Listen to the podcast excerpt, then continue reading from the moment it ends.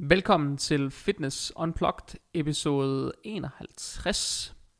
I øh, denne uges udgave af podcasten, der, øh, der har jeg min producer lidt med på øh, mikrofonen. Vi øh, er mødtes i studiet i øh, Vejle, og øh, vi optager en lille spørgerunde øh, som opfølgning på, øh, ja, at det er længe siden, der har været en øh, spørgerunde. Nu kommer der lige en stribe rigtig gode spørgsmål, og så er det egentlig det, der bliver omdrejningspunktet for ugens podcast. Øhm, I sidste uge, der, øh, der har jeg øh, udgivet en podcast om hele den her misære med, øh, med Nupo, som øh, er blevet voldsomt kritiseret for deres markedsføring øh, med brug af influencer til et meget ungt publikum.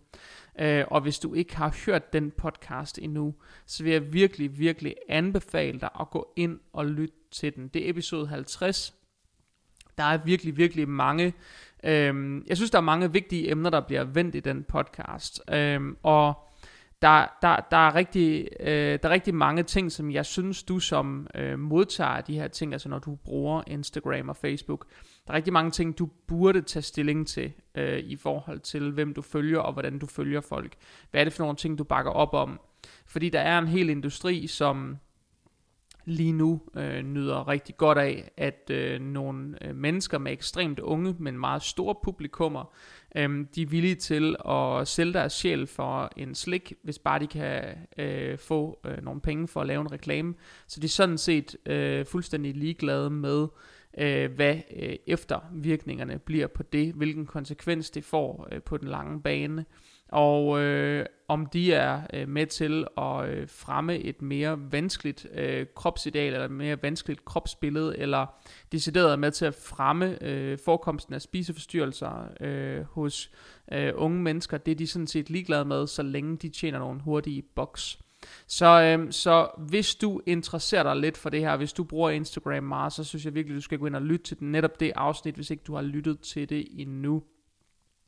Mit navn det er som altid Jakob Christensen, og øh, du kan finde mig på Instagram som by JS Christensen, eller ind på Facebook som Jakob Christensen, coach og personlig træner. Og inden vi ellers går i gang med dagens afsnit, og inden jeg smider Jakob på mikrofonen, så tror jeg, jeg vil sige til alle sammen, at hvis du sidder derude lige nu og øh, ønsker noget hjælp, enten til øh, bare at komme i dit livs form, øh, komme øh, ned i fedtprocent, komme i gang med et gangbart vægttab, eller du måske kæmper med noget overspisning, eller du i virkeligheden gerne vil have hjælp til noget øh, konkurrenceforberedelse øh, her til foråret næste år, så er det et rigtig, rigtig godt tidspunkt at øh, starte op på lige nu. Og det er det ganske simpelthen af den årsag, at øh, lige nu har vi midten af november måned, og øh, derfor så, så har du alligevel en, øh, en, en god øh, måneds tid, en god 5-6 uger, inden julen den melder sig på, øh, inden julen den banker på døren. Og, og det betyder jo selv sagt også, at øh, det er et godt tidspunkt at komme i gang med at få etableret nogle, nogle nye vaner, nogle nye rutiner, øhm, og du øh, får også en rigtig, rigtig god mulighed for faktisk at komme godt i gang, inden julen kommer. Så øh, hvis du gerne vil i gang med en proces, eller gerne vil booke ind til noget opstart her efter nytår, så det er det et rigtig, rigtig godt tidspunkt at hive fat i mig på. Du kan fange mig ind på min hjemmeside, jskristensen.dk, eller fange mig ind på Instagram eller Facebook. Nu til dagens afsnit. Øh, Jakob, velkommen til. Tak. Jakob, du er rigtig tit med på mikrofonen. Øh, yes. Eller så sidder du bare og lurer i baggrunden, når vi optager et eller andet. Hvad, nu, øh, nu fortæller jeg dig lige om det, hele den her sådan nu på affære, inden vi gik i gang, og du sagde, du havde faktisk slet ikke hørt om det endnu. Nej. Men, øh, men, men hvad tænker du selv om alt det her med, øh, med, med de her unge influencer, der ikke sådan tænker over, over sådan eftervirkningerne af deres øh, markedsføring, øh, når de er, er meget bevidste om, at de har et meget ungt publikum, altså Øhm, dem er der jo en, en hel stribe af, man behøver ikke at nævne nogle navne. Jeg tror godt folk de er bevidste om, hvem, hvem er der taler om her. Øhm, dem er der jo mange af efterhånden. Øh, jeg tænker, at øh, for det første, så synes jeg, at mange af dem, de bruger nogle dårlige undskyldninger. Sådan noget som, om jeg vidste ikke, og sådan noget. Ja. Og det synes jeg i sig selv, altså, um, jeg er ung, og jeg tænker ikke, altså, sådan nogle undskyldninger, synes jeg er latterlige. Hvis Ja. det, fordi nu har jeg ikke set med den her, men det er tit, at sådan nogle undskyldninger, det er bare sådan noget half-hearted, og ej, undskyld, jeg elsker jeg virkelig meget publikum og sådan noget. Hvis man tager på den side, så synes jeg, at undskyldningerne ofte er ligegyldige, og ja. at det bare er, hvad skal man sige, øhm,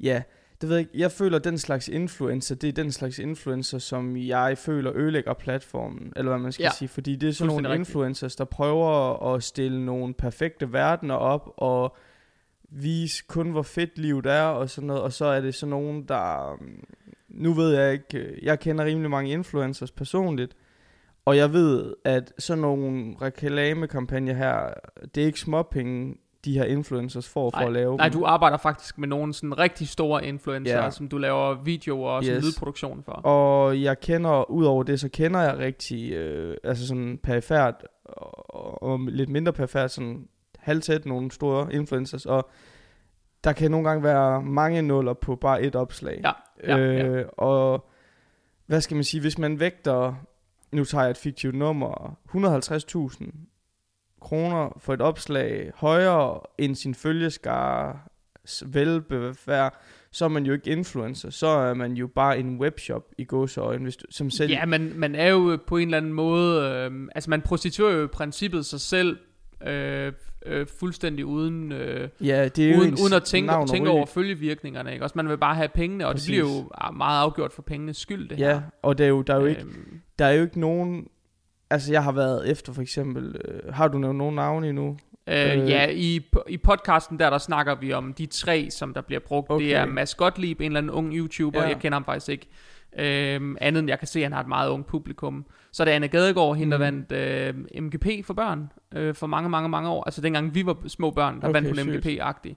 Og så øh, Elvira ja. Øh, Pitsner, selvfølgelig. Fordi, hun er næsten også altid i vælten med det her. Ja, og det er for eksempel sådan nogen som Elvira, hvis du tager det, altså sådan, hun, øh, det- skal ikke være mudderkast, men sådan noget, altså sådan, Ej, pas på, det ikke bliver modkastet. ja, ja, ja, ja, Ja. Men, men jeg siger bare sådan, der er jo bare, eller hvis man tager whatever det er, så ikke lige hende, men jeg synes bare, det er fucking en skam, at man ikke vælger at sætte sig ind i, hvad man Hvad sælger. man reklamerer for. Ja, fordi det er jo, altså, nu, har, nu ved jeg ikke, hvem, om der er nogen af dem, har der været indblandet i andre ting sådan før, men sådan noget som de der thermoguns og, nej, ikke Ja, thermoguns, de, de- de der øh, sixpack, De, øh, six, sixpack, sixpack, hvad hedder det, det var en stor de- ting for et år siden. Der har været de der, de der bælter, der gav stød der, Ja. og der har været øh, Sådan noget. Detox T for eksempel, ja. der er flere store influencer, der har reklameret og for. når du- og, Og som du siger, hvis du har, øh, for eksempel, jeg kan huske, der var et eller andet med de der sixpack billeder, sådan noget, der var en influencer, der skrev sådan noget med, at, øh, ja, flere af dem, Ja, sige. men, men, nå, men der var en, der skrev noget virkelig specifikt, hvor jeg tænkte, det her det er sindssygt. Hun skrev, eller han skrev, jeg kan ikke huske, hvem det var. Øhm, er du ligesom mig øh, lidt bange for at gå ned i fitnesscenter, føler dig ikke rigtig tilpas, så har jeg en løsning. Du kan nemlig bruge det her sixpack bælte, så kan du sidde derhjemme på sofaen og slappe af, mens du får en sixpack. Ja. Og når man gør det ikke også, så spiller du på din...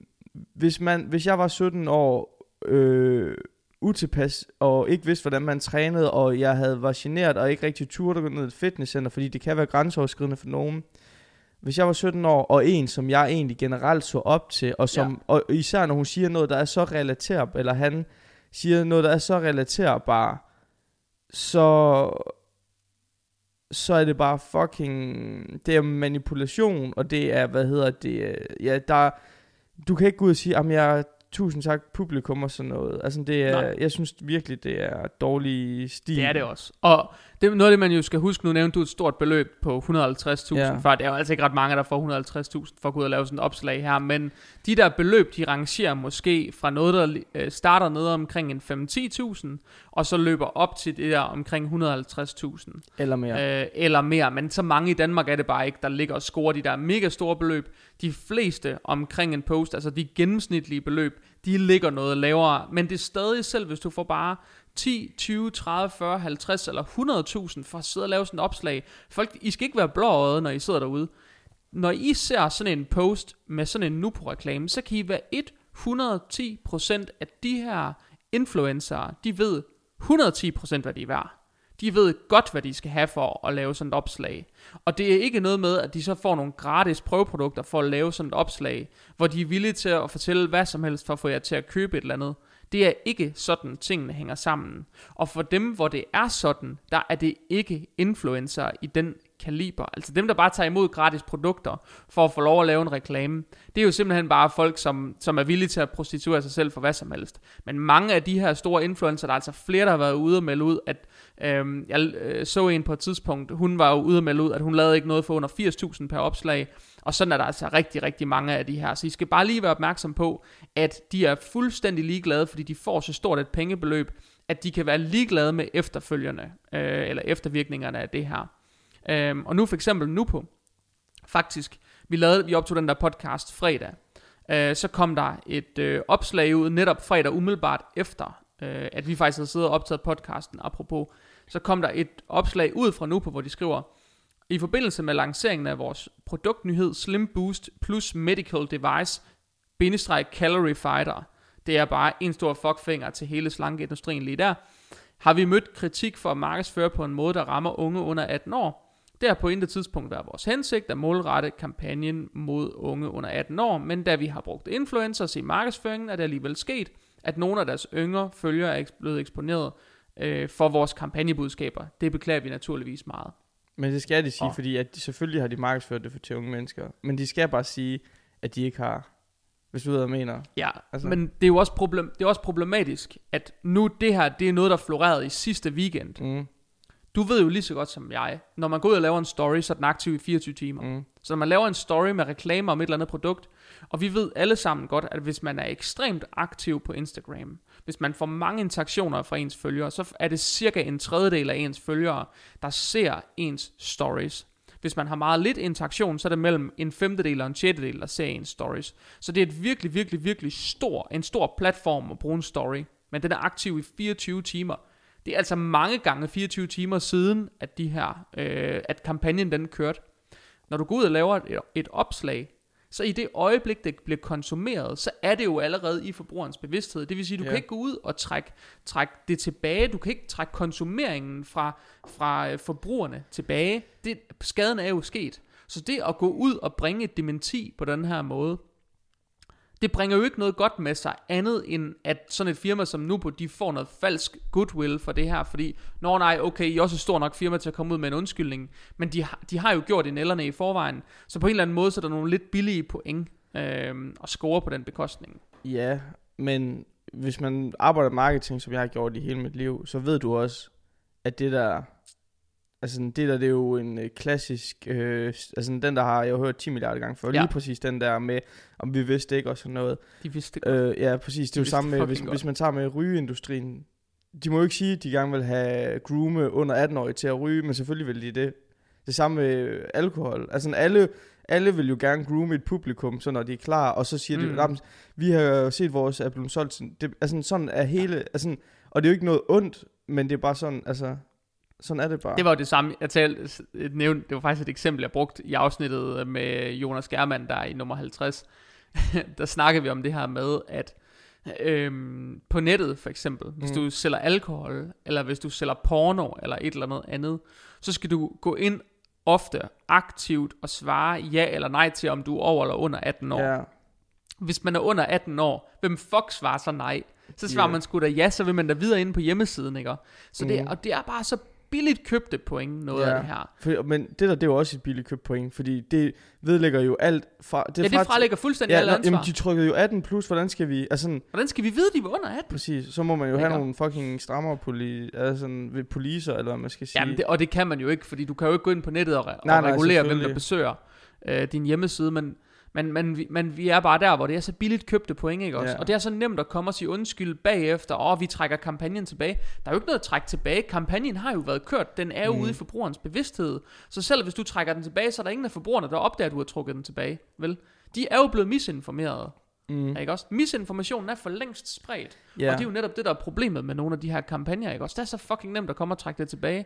ja, fordi de trækker vel kampagnen med influencers tilbage, men nu er den, som du siger, blevet fastlagt i forbrugerens hjerne, så kan de jo bare run ads på det i stedet for, fordi Jamen, det er jo ikke den samme det er ikke, reklame. det er jo, ikke- det, er jo ikke, det er jo ikke engang nødvendigt at gøre det. Nej, nej. De ved jo godt, at forbrugerne har jo set den. Ikke også? Ja, ja. De unge mennesker, de er blevet præget, de er blevet påvirket, ikke også? Dem, som var på vej mod randen af en spiseforstyrrelse, de jo skubbet lidt længere i den retning, ikke Ja. også? Dem, der havde et lidt skævt kropsbillede af dem selv, de blevet skubbet lidt mere i den retning, ikke? Dem, som havde et, et svært forhold til sundhedsindustrien og slankeindustrien og fitnessindustrien, er blevet skubbet mere i den retning, ja, ja. tættere på en ekstrem, ikke? Det er, jo, det er jo så fucking langt ude, det her. Mm. Men det, det er jo sjovt, det sker jo en gang hver tredje, sjette måned, at Ja. der kommer et eller andet øh, firma, som bare... Øh, og ja, jeg ved sgu ikke... Øh, men et eller andet sted, det er fandme nemt. Prøv at tænke på, øh, nu, altså sådan det her med, hvis man bare sagde, at det her igen, øh, hvis man fik nogle bøder, eller blev sat til ansvar for det, man Ja. øh, ligesom... Øh, fordi jeg har det sådan lidt, at det er jo basically ligesom, hvis du øh, har en website og sælger ting, som du godt ved ikke er så cool, eller man skal sige. Eller også er Ja. ligeglad. Sådan, du har ikke givet dig at sætte dig nok ind til i hvert fald. Altså sådan, du, du ved godt, at hvis du graver noget mere, så finder du måske noget, du ikke kan lide, så du lader være at grave, eller whatever mm. det nu er. Men kan vi egentlig ikke lige prøve at få navnet en gang til, hvad produktet hedder egentlig? Hvad hedder produktet? Hvad det hedder? Ja, det lød sygt, fordi det er fucking smadret. Det hedder Slim Boost plus Medical Device bindestreg Calorie Fighter. Okay, først vores Slim Boost. Hvad fuck er Slim Boost? Ja, men jamen, prøv, det er en hel serie af lort, det der. Det er sådan okay. noget med, de har noget, der hedder Men medical- og de hedder... Nå, men, Jamen, men glem- kan, øh, medical device, det, det, det får forbrugeren til at tro, det er et lægeligt præparat, ja, ja, men... og så hedder det men, calorie fighter. Ja, men det der... Hvad fuck det er, jo, er det er jo en helt- calorie fighter? Ja, men lige præcis. Og der, og der er så meget, og den videnskabelige evidens, at den er, hænger i en tynd tråd med det der produkt, og men der er mange ting galt. Hænger den overhovedet? Hænger hvad? Du siger, det hænger i en tynd tråd. Ja, ja, men altså, de kan ikke, øh, de kan ikke, de kan ikke, de kan ikke, for, de kan ikke forsvare mange af de ting, de skriver på deres hjemmeside og sådan noget. Altså, der er mange ting galt. Øhm, evidensen, det er ikke understøttet i særlig høj grad. Det er, no, det er virkelig, virkelig et tyndt grundlag, de har, mange af de ting, de har skrevet om deres produkt. Men det er en lang, man skal lytte til den podcast, Ja, så hvis okay. man er interesseret i sådan noget. Men det handlede egentlig ikke om produktet. Det, jeg var interesseret i at spørge dig om, det var, mm. Mm. om du synes, der bør blive lavet nogle strengere regler og regulativer for, hvordan influencer må markedsføre sig, og måske i særdeleshed i sundhedsindustrien. Det er jo noget andet, øhm, hvis Øhm. man vil sælge tøj og kjoler på sin Instagram-profil. Ikke? Den er svært, fordi hvis det lige pludselig er i sundhedsindustrien, altså sådan, øhm, Vi har jo set det før, du sagde selv, hver, Ja, ja. hver tredje til 6. måned. Det var faktisk en ting, vi snakker om, Jonas og jeg. At hver anden tredje måned, så kommer der en ny ting. ja, Så er den næste skandale, så ruller den med unge influencer, der reklamerer til meget unge publikummer med plastikkirurgi. Med Ja. OnlyFans-sider. Med detox-te. mm. med bælter der, mavebælter, der giver stød, med, øhm, med kviklånskampagner, eller hvad Mhm. det nu er, og de ved, hvis de har været med i reality-tv eller et eller andet, så ved de, publikummet, der ser det her, er et ekstremt ungt publikum, fordi det er dem, der konsumerer reality-tv. Ja. Øhm. Det er jo svært at sige det der med, altså, jeg vil godt lige starte med at sige, jeg synes, at det er forfærdeligt, når man snyder andre mennesker. Men det er også det et også. andet spørgsmål, når man spørger, altså fordi, det er fandme svært, øh, fordi så, øh, hvad skal man sige, hvis man tager proteinbar, jeg ved godt, at det er noget helt andet, men jeg synes jo også, at der er sådan lidt, det der med for eksempel proteinbar er sundere end sneakers, hvis Mm. du ved, hvad jeg mener. Og er det det, hvis du ved, hvad jeg mener? Fordi der er cirka samme makrofordeling i dem og sådan noget. Så hvor går altså hvor skal man, fordi det er jo også at præge til sådan, du skal købe de her produkter, de er gode, i, altså hvis du ved, hvad jeg mener. Så det er svært. Øh, men generelt så synes jeg, for influencers, så skal der være større, du skal, om du har 500 følgere eller 500.000 følgere, så synes jeg, at man skal kunne stå inden for det, man sælger. Og det er ikke nok, altså... At Men det er ikke nok, at de personligt skal kunne stå inden for det. Det Nej, er jo nej. ikke godt nok. Nej, nej, det er vi enige om, men jeg mener også, altså, sådan, det er jo svært at lave, øh, altså sådan, hvis der skal være stramme regler, så skulle det jo bare være, øh, så skal man jo nedsætte i nogen, der øh, politi, altså influencerpolitiet i gås øjne, som skulle gå ind Nå og, jo, men der er jo øh, forbrugerklagenævnet, og Ja, ja, ja, ja. øh, altså, der, der, er jo, der, er jo, der er jo forbrugerombudsmanden, har jo en kæmpe stor aktie i det her, og det er jo faktisk noget, de bruger rigtig, rigtig meget tid på lige for Ja. tiden. Netop influencer, der laver, øh, der ikke overholder de, de retningslinjer, der er for at lave reklame, Ja, men der er jo ikke rigtig nogen retningslinjer for, hvordan reklamer må være, må være udformet, og mod hvilket publikum man må rette bestemte Nej. reklamer. Øhm, altså, det korte og nemme svar det er, jeg synes selvfølgelig skal der det, hvis det kan blive gjort på en ordentlig måde. Altså Hvorfor, sådan, hvad er en ordentlig måde? jamen, altså sådan, bare sådan, at man kan, altså sådan, at sætte det op i en, øh, det er jo bare altid svært at sætte det op i fire, altså i kasse, det her, det må du, og det her, det må du ikke, synes jeg. Men det, det, det, jeg er ikke enig. Okay? Jeg er ikke enig. Jeg synes ikke, det burde være tilladt. Altså, jeg, jeg, jeg mener helt oprigtigt talt, det burde være forbudt At hvad? at markedsføre slanke produkter. Ja, ja, På ja, den her måde, for eksempel mod mindreårige publikummer. Jo, jo, men slankeprodukter burde jo egentlig bare være forbudt. Nej, det burde ikke Men være der forbudt. findes, der findes vel ikke slankeprodukter? Der er jo ikke noget, der er jo ikke noget i sådan et Nupo-produkt, som det der, der er ulovligt. Nej, nej, men det er jo ikke et slankeprodukt. Nej, men de her, de her helseprodukter, de her Ja. produkter, der skubber til folks bevidsthed mm. omkring, hvad sundhed er, det burde være forbudt at markedsføre mod et mod mennesker i det hele taget på øh, som influencer. Ja, ja, Det burde, det, ikke, det burde ikke være tilladt, og det burde slet ikke være tilladt at markedsføre mod et ungt publikum. Det kan få mig sådan helt op i det røde felt, det her. Jo, jo, men så tror jeg, du misforstår, hvad jeg mente. Altså, fordi at der er jo ikke... Findes der... Altså, nu spørger jeg, fordi jeg ikke ved nok om det, men jeg synes da ikke, der findes slankeprodukter. Nej, men så det er jo et slanke, hvis du laver et produkt og, og skriver det er en calorie fighter et eller andet, vil du så Ja. øh, smide det ind i en kategori om noget, der kunne være et slankeprodukt? Jo, jo, men så vil jeg også bare sige, at det burde jo ikke at være lovligt at skrive. Jo jo, men du må jo kalde et produkt, hvad du vil. Må man det? Ja, det må du da. Okay. Men, Men, må du da. men altså, jeg tror, vi er enige, fordi at jeg synes heller ikke, at øh, du skal, fordi... Øh, Så længe du ikke til at- skriver noget, der, så længe du ikke skriver noget, der er bevisligt forkert. Men calorie fighter, lige det ord, ikke Ja, men seriøst, du, de har jo noget, der hedder block my carbs, de har noget, jamen, de men, har men, noget, men, der hedder men alt muligt calorie fighter, det eneste må, du kan jo ikke slås mod kalorier. Altså, Ej. det skulle være noget, der går ind og opløser. Men, altså, det, men det, er jo, det er jo nogle, de vælger jo bes, specifikt nogle produktnavne, som taler ind i hele den her fitnesskultur. Ja, ja, ja. Ikke også? En calorie fighter, det lyder som sådan en, du ved, sådan en lille, sådan, øh, sådan en lille karatemand, der står Ja, ja, klar ja, foran præcis. kalorierne, og så lige klar til lige at sparke dem væk. Ja, ja, men de det er jo det, jeg mener, det er jo fucking manipulerende. Det er mega manipulerende. Ja, ja. Ja. ja. Det er vi da enige om, men det er da jo samme som fat burners, for eksempel. Altså, ja, men det er jo, burde jo også være ulovligt. Er det, det- ikke det? Nej, det er da ikke ulovligt at sælge øh, hydroxycut, eller det ved jeg ikke, om det er i Danmark, men der kunne være masser af sådan nogle øh, fat burners i gåseøjne, Ja. som man godt måtte sælge. Øh, fordi mange af dem så bare indeholder ikke, alle mulige krydderier og sådan noget, de egentlig ikke rigtig indeholder nogle potente stoffer. Øhm, så meget af det må man jo godt i en eller anden udstrækning sælge. Det handler om, hvordan det bliver markedsført. Okay, fair nok. Men det er det, jeg mener, burde der ikke være på et helt elementært niveau, burde der så ikke være regler for, hvad man må reklamere for? Jo. Jo, jo. Det er der jo ikke nogen regler for, andet end du skal skrive hashtag reklame. Du må skrive, hvad du vil. Du må også smide ud, hvad du vil. Jo, jo, men jeg synes jo, at så skulle, øh, hvis det er forbrugerombudsmanden og klagerådet, eller nævnet, eller hvad du kaldte dem, så skal de jo bare, hvad skal man sige, være endnu mere aggressiv. Fordi jeg kunne godt tænke mig at øh, høre i næste uge sådan, øh, influencer indblandet i Nupo-reklame for, øh, hvad hedder sådan nogle, øh, øh, øh, et, et, at de burde få bøder, men to, at de får en, Pro- nogle advarsler. Pro- problemet er, når ikke der er noget lovgivning omkring det, så kan du ikke ja, give ja, bøder. ja. Nej, nej, præcis. Vel? Men, kan du ikke give Men bøder. det er jo det, jeg siger, det synes jeg, der skulle være. At Ja. jeg kunne godt tænke mig, at... Men at jeg kan også... Sådan så vil jeg gerne høre det opfølgende. Altså, hvad, Ja. det, hvad der bliver af dem. Og så, så noget med Instagram, der synes jeg også, eller sociale medier i sig selv, at nu ved jeg godt, det er private virksomheder. Men der burde jo, de, burde, de der private virksomheder, de burde jo samarbejde, for eksempel med forbrugernævnet i hvert land. For eksempel i Danmark, de Ja, burde... det gør de ikke. Forbruger, nej, nej, men jeg siger forbrugerombudsmanden i Danmark, han burde jo at kunne have adgang til at give Elvira en ud af tre strikes. Og hvis hun, hvis hun, hvis hun gør tre af sådan nogle kampagner her, så burde hun jo blive smidt af platformen.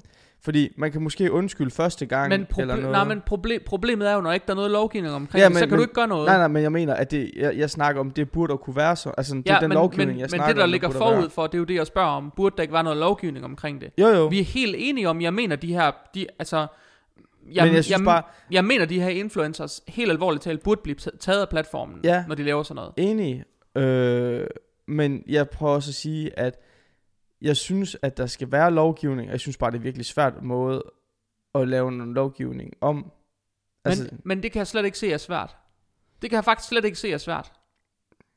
mm, nej, men det kan godt være, at det ikke er det. Men hvis det ikke er det, så skal det selvfølgelig. Men hvis jeg sad bare på, øh, altså, tænkte over, det, hvad, hvad det kan komme til at påvirke.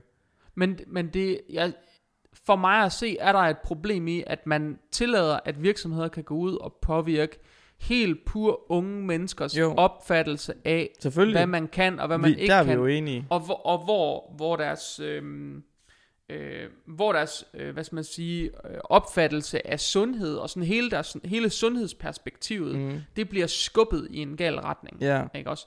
Det tillader man jo bare. Man tillader bare, at unge mennesker bliver skubbet ud i spiseforstyrrelse, skubbet ud i skæve kropsidealer. Det er man fuldstændig iskold overfor, fordi der ikke er reklamer for sådan noget her. Jeg mener jo slet ikke, det burde være lovligt, for eksempel, ligesom Lenny Pihl, han var ude og lave den der reklame for kviklån. Mm. Jeg mener slet ikke, det burde være lovligt, at du laver reklamer på sociale medier for kviklån. Det burde det ikke være. Øhm, Og især ikke, fordi der er- vil være en risiko for, hvis du poster noget på Instagram, at du rammer et meget ungt publikum. Og især hvis du har været med i reality-tv. ikke? Ja. Fordi det er jo ikke gamle mennesker, der sidder og konsumerer Paradise Hotel. Vel? Det er jo helt Nej, nej, unge nej. mennesker på, Men ved jeg ikke, 12, 13, 14 år, og så op til måske 2, 3, 4, 25 eller sådan noget. Kviklån, det rammer jo alle aldre, tænker jeg. Jo, men du rammer stadigvæk nogle mennesker, som ikke tænker over, for eksempel, de risikovurderer ikke.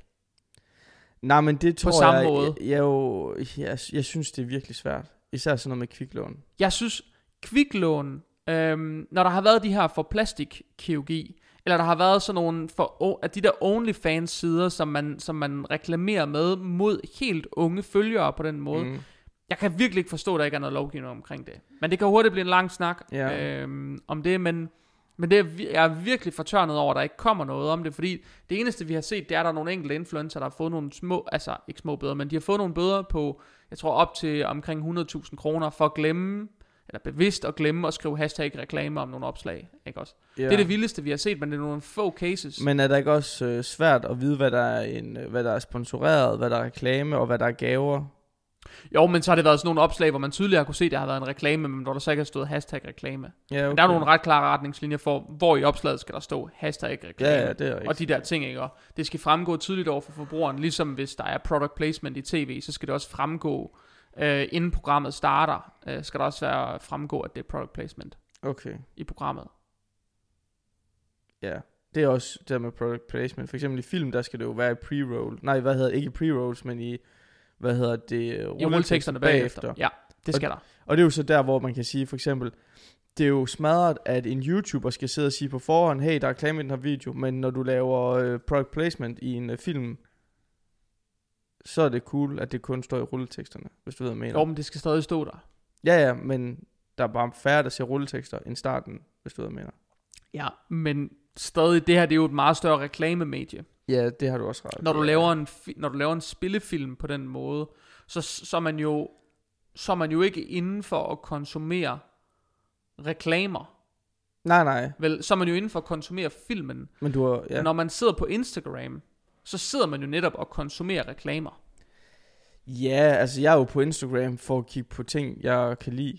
Ja, Og men så, hver gang du ser en ting, du godt kan lide, så er det jo i princippet en reklame. jo jo, det er da rigtigt nok. Øh, Hver gang du kommer forbi, øh, I don't know, et par sko, eller en bluse, eller ja, en hat, eller et ur, eller en bil, eller et eller andet, som du godt kan lide. Så det er jo i princippet reklame. Ikke også? Og hvis der er Jo, nogen, der decideret poster det for, at det skal være en reklame, så er det jo en reklame. jo jo. Og især hvis de får betalingen for det. Ikke? Får du betaling i form af produkter, eller pengegaver, eller begge dele, så er det jo en betalt reklame.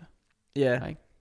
Jeg så det burde der være nogle klare regler for. Jo, jo, jeg synes også, der burde, altså det tror jeg, jeg håber ikke, der er nogen, der misforstår mig. Jeg synes også, der burde være klare regler. Jeg synes bare, at det er, øh, Er det svært at definere, eller hvad? Ja, øh, især med, øh, fordi der er jo, altså, der er jo nogen, der synes, at det er svært at lade stå imod at købe en håndtaske. Altså, det er der jo folk, der er sådan, Ja, "Åh, jeg vil, men selvfølgelig så- vil der være det, men der er også der er stor forskel på håndtasker og, øh, og, og produkter, som det giver folk et skævt billede af, hvad der er sundt og hvad der er usundt. vi, vi er enige, men ja, altså, der er jo nok nogle klogere mennesker, der skal øh, regne ud, Du piller jo ikke det ved folk på sådan et helt fundamentalt niveau omkring sådan hele deres sundhedsopfattelse ved at sælge dem en håndtaske. Det er bare en håndtaske, det er en død ting. Ja, ja, det har du ret i, men, men der er jo stadig folk, der lever efter sådan nogle øh, mærkevarer og sådan noget. Og jo det jo, piller men det er måske stadig noget andet, det er døde ting. Ja, ja, Det har du ret i, men, men hvis det trigger nogle af de samme impulser op i hjernen... Ja, det gør det ikke på samme måde. Det her, Det det, giver, det, er jo, det er jo altså, sådan det noget, ikke det, de her ting, det er jo sådan noget, der giver folk spiseforstyrrelser for livet. Det er sådan noget, der giver folk et skævt, øh, en skæv øh, opfattelse af, hvad der er sundt og usundt resten af livet. Ja, Det er jo der, sådan nogle produkter, de skubber folk hen. ja, jamen, jeg tror stadig, vi er enige om, at, altså, jeg synes jo heller ikke, det er cool. Jeg, jeg, jeg synes bare, der er, man er også nogle gange nødt til at stille spørgsmål. Altså, vi er enige om alt, altså, jeg er enig med alt det, du siger. Jeg siger bare, at øh, når man begynder at lave sådan regler, så kan der nogle gange ske nogle ting. Men, men vi er enige om, jeg synes heller ikke, at du skal, fordi nu har jeg om nogen selv haft en spiseforstyrrelse, og kan Mm. sætte mig i stedet. Så ja, jeg synes, lige præcis. Så jeg synes, altså, så jeg er jo helt præcis på din side. Jeg ved ikke, om jeg var Jones advokat før, men øh, jeg, selvfølgelig synes jeg, det er forfærdeligt, og det skal stoppe, og nu blev jeg ikke påvirket af sociale medier, men jeg ved at det er nemt at blive. Øhm, Alle bliver påvirket af sociale medier, også selvom man ikke synes, man bliver påvirket. jo jo, men, men hvis jeg så sådan en opslag der, så vil jeg jo nok godt kunne... Ja, ja, så vil du kunne gennemskue, at det, man, så bliver man påvirket af noget andet, ikke? Også, men 100%. alle bliver påvirket af et eller andet. Selvfø- jo, ikke? selvfølgelig, men, men jeg mener bare lige sådan produkter der. Ja. Øhm, Problem, problemet er jo netop, at dem, som har baggrundsviden til at gennemskue, det der det er bullshit, ja, de kan jo kalde det med det samme. yes. Dem, som ikke har det. Helt almindelige blåøjede, naive forbrugere i princippet, som, Ja, som går ud fra, at alt, hvad der står skrevet om et produkt, mm. det er Mm. korrekt. Fordi der netop er så strenge regler om, hvad man må skrive i forhold til falsk markedsføring. ja. Så går de ud fra, det, jo, det må jo være rigtigt, når det står her i et reklame, så må mm. det jo Mm. være rigtigt. Problemet er bare, at det er det ikke nødvendigvis. Nej, overhovedet ikke. Nej, det er det ikke nødvendigvis. Og derfor så falder man nemmere i, man bliver nemmere påvirket til at tro, at det her, det må være løsningen. Ja. Ikke? om? Jo jo, og hvis du i forvejen er halvdesperat og bare virkelig vil tabe dig, og der så kommer en eller anden og sælger dig præcis det, du har let efter, så er du rimelig nem øh, på virkelig til at hoppe i med begge ben. Og der ved man jo bare, at folk de er bare desperate, når det handler om det her med vægttab. Jo, når det jo, handler om det, det her med sundhedsidealer, så er folk jo desperate Yes. for at komme til at se perfekte ud, og have det perfekte liv. Ja. Ikke? Det ved man jo bare. Ja, ja. Og vi er enige, men øh, man skal også tænke på, at sociale medier, de er heller ikke så gamle endnu. Så jeg håber og tror, Nej, og det er jo netop derfor, der skal laves noget Præcis. lovgivning omkring det. Ikke? Præcis. Også, Og jeg ellers håber så bliver det jo bare sådan et... for hver gang der kommer massageudstyr, elektronisk stødudstyr, falske øh, calorie fighter øh, produkter, så håber jeg, at vi kommer tættere på nogle regler. Så man kan sige, hvis man skal tage noget positivt ud fra det, så er det, at forhåbentlig indser nogen snart, at der skal komme nogle seriøse regler. Ja, forhåbentlig kommer der noget godt ud af det. Nå, der er kommet nogle øh, spørgsmål til i dag. Jeg tænker, vi hellere må øh, komme lidt over i en lidt mere positiv anekdote. Jeg kan yes. Mærke, det her, det, det, det, det er i hvert fald no- noget, der er nogle skarpe holdninger til. Og noget, som, øh, når man står på den anden side som influencer, så er man nok pænt ligeglad med de holdninger. Man vil bare tjene nogle penge. Ja, Så, øh, så i stedet for at bruge øh, al vores mentale krudt på det, så synes jeg, at vi skal, vi skal snakke lidt om øh, noget med noget fitness. yes. Øh, det første spørgsmål, det er, øh, hvordan man laver den mest optimale reverse diet. Godt spørgsmål. Øhm, Har du nogensinde kørt en reverse diet egentlig? Nej, jeg har ikke haft brug for det. Øh, Eller også, men- du, har du, eller også er du bare ikke lykkes med det? Nå, men jeg, altså reverse diet, det er jo, føler jeg jo, at når du er kommet ned Mm. på et punkt og skal op til, det, det er vel kun, hvad jeg ved om reverse diet, så er det jo, når du har, når du er nede og, når du enten skal på scenen, eller har tabt dig i meget lang tid, og du så skal til, ud fra en kostplan igen, eller hvad? Ja, Eller det handler er jo om at komme tilbage i... Det, det, det korte og lange, det er jo re- reverse diet. Det handler om, når man har været igennem et vægttab, Ja. uanset formålet med det vægttab. Altså uanset, du, du nævner, om man skal på scenen, Eller ej. u, u, altså, uagtet hvad, det, ja, ja, ja. Hvad, hvad man har forsøgt at opnå, og hvorfor man har forsøgt at opnå det. Når man har lykkes med et vægttab, det ved du jo selv, man giver sig jo ikke til at tabe sig, for at mislykkes med at tabe sig. Altså Nej, man giver nej. sig ikke til at tabe sig bevidst for at tage det hele på igen. Nej, nej. Faktum er bare, at det er desværre noget, der sker. Folk yes. de tager det på igen. Statistisk set, så er, er det ikke muligt at tabe sig. Statistisk set, så vil man tage det på igen, som man taber sig. Okay. Sådan er statistikken bare, at der ikke findes bæredygtige vægttab på den måde, at man vil falde tilbage i den samme gamle rille. Ja, ja. Og selvfølgelig er der nogen, der lykkes med at holde deres vægt nede, men når man kigger på det sådan videnskabeligt set, så er det ekstremt svært at skabe et bæredygtigt, langvarigt vægttab. Og det er det af mange årsager. Og en af årsagerne er, at når folk de for eksempel går i gang med at skal tabe sig, så laver de rigtig, rigtig mange ting om i deres liv. Men det er ikke nødvendigvis bæredygtige ændringer. Så de begynder for eksempel at motionere ekstremt meget. Men hvis man aldrig før i sit liv har motioneret meget, pludselig begynder på det, hvad er sandsynligheden så for, at man holder fast i det resten af sit liv?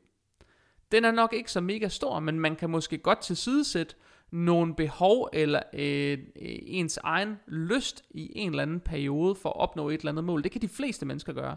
De fleste mennesker kan i princippet leve på en sten, hvis det bare er i en afgrænset periode, og de ved, hvornår det er slut. Så kan de fleste mennesker godt acceptere, at de skal gøre nogle, nogle andre ting, end det de plejer, eller de skal gøre nogle bestemte ting, eller de skal lide nogle afsavn. Det kan de fleste mennesker godt finde ud af. Rent mentalt er det faktisk ikke så stor en opgave. Men man kan jo se, at folk, de, rigtig mange af dem, der taber sig, de ender faktisk med at tage det på igen, det de taber sig. Ja. Og rigtig mange mennesker, øh, som taber sig, de ender med at tage mere på, end de tabte sig i første omgang. Så de reelt set ikke netto opnår at have et vægttab. Og noget af det, der jo er misæren i det her, det er jo, at når man taber sig, så laver man, som jeg sagde før, man laver ofte nogle store ændringer. Man regulerer i, hvor meget man spiser, hvad man spiser, hvilke altså handlemønstre man har, når man er ude og købe ind. Man ændrer på ens motionsvaner. Man ændrer på så mange fundamentale ting, der påvirker ens krop. Og reverse diet er så i princippet et begreb, der er skabt til at hjælpe folk tilbage i øh, kaloriebalance. For der er ingen tvivl om, at når man har været igennem et langt vægttab, jamen så, det ved du jo selv, du har selv prøvet at have et meget stort vægttab. Mm. Øhm, når man har været igennem et stort vægttab, så ligger man jo også stadig i et stort kalorieunderskud. Det er jo ikke sådan, når man når i mål med sit vægttab, at man så er i kaloriebalance, der har man et mega stort kalorieunderskud. Ja. Problemet med det, det er, at kroppen den vender sig også i en eller anden udstrækning til, hvad man gør ved den. Det vil sige, den vender sig til, hvis du træner to timer hver dag, så vender den sig til det. Den vender sig også til, hvor mange kalorier du spiser. Og det vil sige, at den laver en sådan lidt midlertidig tilpasning af dit stofskifte, så du kommer til at tabe dig mindre og mindre og mindre og mindre, og på et eller andet tidspunkt, så begynder du at stagnere i din vægt. Så er du nødt til at gøre det næste, så er du nødt til at lave lidt mere, eller spise lidt mindre, for at skubbe vægttabet yderligere. Øhm, og derfor vil det også være sådan, at hvis man fra den ene dag til den anden, hvis man kan se, jamen prøv at høre, jeg laver nu siger jeg en times konditionstræning om dagen, lad os bare sige, at jeg forbrænder 600 kalorier der, og så er jeg et kalorieunderskud øh, målt på kalorier alene, på måske øh, 800 kalorier. Så er det 1400 i alt, det er 800 plus 600. Hvis man så bare fra den ene dag til den anden stopper med at lave cardio, og så ligger 1400, øh, eller stopper med at lave cardio, og så ligger 800 kalorier ind, sådan at man er gået 1400 kalorier op netto, så vil man tage på meget drastisk på fra den ene dag til den anden, fordi kroppen ikke har vendet sig til det, og derfor vil den tro, man er i ekstremt stort kalorieoverskud. Og det vil den, indtil den finder ud af at sige, hov, stop en halv, det her det var egentlig min kaloriebalance.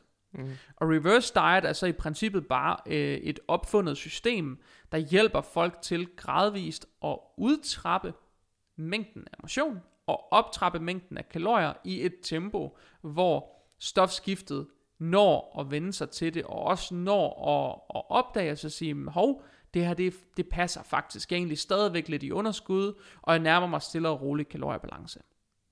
Så det er egentlig bare et koncept, der er skabt for at undgå, at folk de har de her ekstremt store tilbagefald, hvor de tager al vægten på igen. Fordi det er jo ikke derfor, man taber sig. Man taber sig jo ikke med det formål, at man skal tage det hele på igen. Nej. Det har du sikkert fundet ud af af bitter erfaring engang. Ja, selvfølgelig. Ja. I princippet så kunne du godt have und, sikkert godt have undværet, set i retrospekt, det store vægttab, du var igennem dengang. Kunne du ikke det? Nej. Nej? Det har jo lært mig ekstremt meget. Okay. Og jeg har jo ikke, øh, hvad skal man sige, det der gik galt for mig, det var jo, øh, det var jo et eller andet sted bitterhed, eller hvad man skal sige. Jeg levede jo, jeg havde jo omlagt min livsstil, og jeg levede på en, en fed, altså jeg havde det virkelig godt med det, jeg lavede. Der, hvor kæden hoppede bag for mig, det var, at jeg fandt ud af, hvis man har levet hele sit liv uden motion eller spist sundt, mm så jeg vidste ikke, hvad jeg savnede, fordi jeg har altid været ekskluderet Nej. fra sport og sådan noget. Men jeg fandt ud af, at jeg kan rigtig godt lide at træne, og jeg kan rigtig godt lide at dyrke motion. Da jeg så fik en skade i skulderen og i knæet, så jeg hverken kunne løbe eller træne, egentlig fordi hvis du i skulderen, det basically det meste, du træner, skal du bruge en skulder til. Der tror jeg bare, jeg blev fucking bitter. Altså sådan, og fik den der, nu har jeg arbejdet så hårdt for det her i så fucking mm. lang tid, og det er ikke fair, og det hele kan med være lige meget, og alt det der. plus at jeg fik en kæreste samtidig, og mm-hmm. der spiser man lidt slik, og bla bla bla. Og at jeg så blev en hyggefar i stedet for. Øhm, men det jeg lærte af det, hvad skal man sige, jeg følte, altså jeg ved ikke om det lyder helt sindssygt, men jeg følte mig, jeg har aldrig følt mig så sikker og stærk og så maskulin og så det gav mig selvtillid og ja. og det bevist for mig at det, jeg tror rigtig meget det er det hele er op i dit hoved i forhold til at 100%. jeg kunne løbe for evigt altså jeg Ja. jeg havde aldrig løbet Det var i hvert fald jeg, den følelse, du havde. Ja, ja, men altså, jeg har aldrig løbet før, og jeg begyndte sådan, nu havde jeg også været tung, men, og jeg har altid været aktiv, men jeg har ikke løbet før. Nej. Men sådan uden at træne mig op til det, der løb jeg sådan, jeg mener, det var 12 eller 14 km i timen, bare sådan, det var bare, altså uden at presse mig selv, det var sådan, mm. Det jeg startede med at kunne løbe i timen, det var fucking sindssygt, og jeg kunne, altså, jeg kunne virkelig meget, og jeg var glad for det. Øhm, så det viste mig en hel masse ting, og det er også det, jeg savner nu, og, og gerne vil have tilbage, eller man skal sige. Øhm, så jeg synes ikke, at det har været spild, fordi at, øh, Men du røg stadigvæk ud af det. jo jo, Og det var stadigvæk, fordi det var nogle uvante rutiner for dig reelt set at være i. det var jo, Så da, så da det lige pludselig blev svært, der faldt du i, i princippet bare tilbage i dine gamle rutiner. Ja, mere eller mindre, men jeg føler ikke, at det var fordi, det, ja, det blev jo umu, altså fordi, jo, altså jeg kunne jo selvfølgelig godt have holdt vægten, eller hvad man skal Mm. sige, men jeg tror bare, det var, hvis man føler, at hele verden er imod en, og så Men gik man jo tilbage. Jeg er med på den der i. følelse. Jeg er Ja. med på den der følelse. Jeg siger bare, i princippet, så er det tid, du har spildt. Nej, men det synes jeg ikke, for jeg har fået lært en masse af det. Så, Men i forhold til et, i vægttab sammenhæng, det kan godt være, at du har lært nogle ting af det, men i en vægttab sammenhæng, så er det i princippet været tid, du har spildt, fordi du er endt med at skulle starte forfra med en anden approach. Ja, nej, for jeg hyggede mig jo med det. Jamen, det er jeg med på. Det er med på. Men jeg, jeg forstår, du, hvad jeg du tror ikke, Jeg, jeg, jo, tror ikke, du forstår, jeg, hvad jeg mener. jeg forstår. Jeg synes bare, det er meget hårdt at sige på den måde. For mig, for mig at se, hver gang folk de har haft et mislykket vægttab, ja. så, er det, så er de spildt den tid. Jamen, det, det er jeg ikke enig i. Nej, men, Men- jeg er med på, at man lærer nogle ting af det. Ja. Men for mig at se, er det spildt, når man ved, at man kunne have brugt tiden konstruktivt. Så man faktisk havde rykket sig, men også havde fået skabt nogle bæredygtige vaner, man kunne arbejde videre med, og som man kunne holde fast i. Ja, Problemet opstår netop, når folk de går i ekstremer med de her ting. Ja. Ikke? Det er der, det er sindssygt svært at komme ud af. Det er derfor, det er sindssygt svært for eksempel at slippe en spiseforstyrrelse, fordi der er rigtig mange af de der spiseforstyrrede tanker, de er jo sygt ekstreme. Ikke også? Ja, Hvor når folk de godt ved, at de kan spise en balanceret kost, når de godt ved, at jeg kan godt spise noget pizza, jeg kan godt spise en burger, jeg kan godt gøre de der ting, og stadigvæk passe det ind i min livsstil, at så er det ikke nødvendigvis det helt store problem. Men hvis man bliver sådan meget sort-hvid tænkende, så er det jo, man ender med at falde tilbage i sine gamle vaner og rutiner, når der er noget, der går en på. mm, Alle ved jo, når, når det går godt i livet, så kan man mange flere ting, end når det går skidt. ja. Ikke også? Så, så der er jo noget, og det er det, jeg mener med, så ender man egentlig lidt med at have spildt sin tid, fordi man ender tilbage, hvor man var. Ikke også? Ja, Det er ikke noget med, at man ikke har lært noget af det, fordi man lærer jo altid noget af nogle ting. Men på den måde har man bare brugt ekstremt meget energi på noget, der ikke lykkes på den lange bane. Og det er det, jeg mener med, så ender man med at have spildt tiden på det. Ikke? også? ja, ja, altså sådan, Så har man i princippet brugt noget tid på noget, man ikke har fået noget ud af. I hvert fald ikke det ud af det, man gerne ville have ud af det.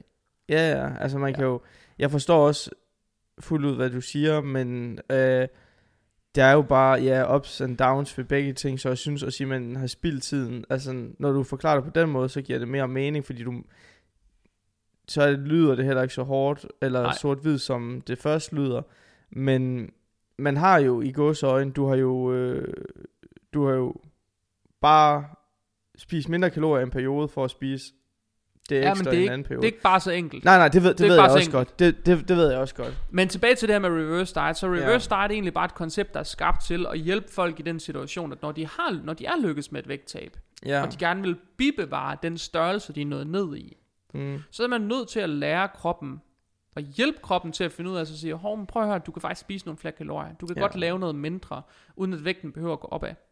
Men det tager noget tid. Og det er der, man kører sådan en, en baglæns diæt, hvor man så gradvist nedtrapper mængden af konditionstræning, hvis man har haft Mm. ekstra meget af det. Hvor man gradvist optrapper mængden af kalorier hen over en periode. Og så bliver der spurgt til, hvordan man la- laver en optimal reverse diet. Mm. Den optimale strategi er ret simpel. Den, der passer dig bedst. Nej, Eller hvad? nej, den er ret simpel. Mm. Du laver en lille ændring, og det gør du indtil kroppen bliver stabil. Det vil sige, det er simpelthen et spørgsmål om, lad os sige, man starter i u 1, så siger okay, herfra, der laver jeg en ændring. Det vil sige, det kan være, at man øh, lægger sig 100 kalorier op i forhold til, hvor man var før. Det gør man hver eneste dag i en uge. Så tjekker man sin vægt efter. Går vægten nedad, som konsekvens af det, så kan man lægge flere kalorier på. Er vægten stabil, så kan man lægge flere kalorier på. Går vægten opad, så kan man ikke lægge flere kalorier på. Så venter man en uge. Indtil vægten den bliver stabil eller nedadgående. Og hver gang vægten er stabil eller nedadgående efter en uges sådan, hvad, hvad skal man sige, øh, check, øh, jamen så kan man i princippet lave en ny regulering. Og reguleringen kunne også komme som i konditionstræning, hvis man løber mange timer, eller hvis man cykler mange timer, eller hvis man er ude at gå mange timer i løbet af en uge, så kunne det også være der, man er aftrappet for 100 til 100 kalorier. Men ændringerne bør ikke være ret meget større end de der 100 til 100 kalorier. Øhm, og det er der, man nok bør ligge. Nogle, ekst- nogle, nogle ekstreme tilfælde kan man måske lægge højere. Men det er meget ekstreme tilfælde. Det er ikke der, hvor de fleste almindelige mennesker de ligger. Det her det er en super simpel approach. Det kan du godt høre, det, men det kan godt regne ud, at det tager mange uger. Ja, Ikke? ja. Hvis der skal være en check-up uge hver gang. Jeg, og jeg bruger altid en uge til det her. Altid med folk. Det, giv dem en uges tilpasningstid, fordi det virker som en god tidsperiode. Der når man at vende sig til, at hov, der kommer noget mere mad ind, og det sker der faktisk ikke så meget ved. Og, øhm, og det er heller ikke en større ændring, at man kan kapere det. Altså, 100 kalorier, det svarer til en skive rugbrød. Altså, det er jo ikke fordi, det er jo sådan vildt meget ekstra mad på dagsbasis. Nej, nej. Men hvis man laver de her reguleringer for hurtigt, så kan det også godt være svært at nå at vende sig til. Så for mig har der egentlig med klienter ligget en ret sikker approach i at køre det med sådan uges intervaller. Jamen, det er også... Ja, det tænker jeg er en fin periode. Ja, sådan erfaringsmæssigt, det er det, der jeg egentlig har fundet ud af, det virker for de fleste at ligge der omkring en uge. Så vægten, den skal være nedadgående eller stabil, så kan man lave en ny regulering. Er den opadgående, så holder man bare fast i den regulering, man lavede, indtil at vægten bliver stabil eller nedadgående. Og det sådan set bare sådan, jeg går til det. Men så kan man jo godt regne ud, at er man 1400 kalorier i underskud, ligesom vi startede med i eksemplet, jamen, så bliver det jo hurtigt noget med, at øhm, hvis alle uger går perfekt, hvis vægten aldrig går opad, så vil det tage 14 uger at komme tilbage i balance. Mm. For hver gang man har en uge, hvor vægten den bevæger sig opad, og man tager en check-up uge mere, så kommer der en uge mere på. Så i et realistisk scenarie, så vil sådan en reverse diet som den her, hvor det er 1400 kalorier, man samlet set er i underskud, den vil, hvis man laver for 100 kalorier reguleringer, den vil for de fleste tage mellem, nu siger jeg 14 og 24 uger. Altså fire måneder og et halvt år, eller? Ja, mellem, fire, mellem, øh, mellem ja, 14 uger, det, det er 3 måneder, ikke? Ja. Så 3 til 24 uger, det må være sådan noget 5,5 måneder eller sådan noget. Så ja, ind i det spænd.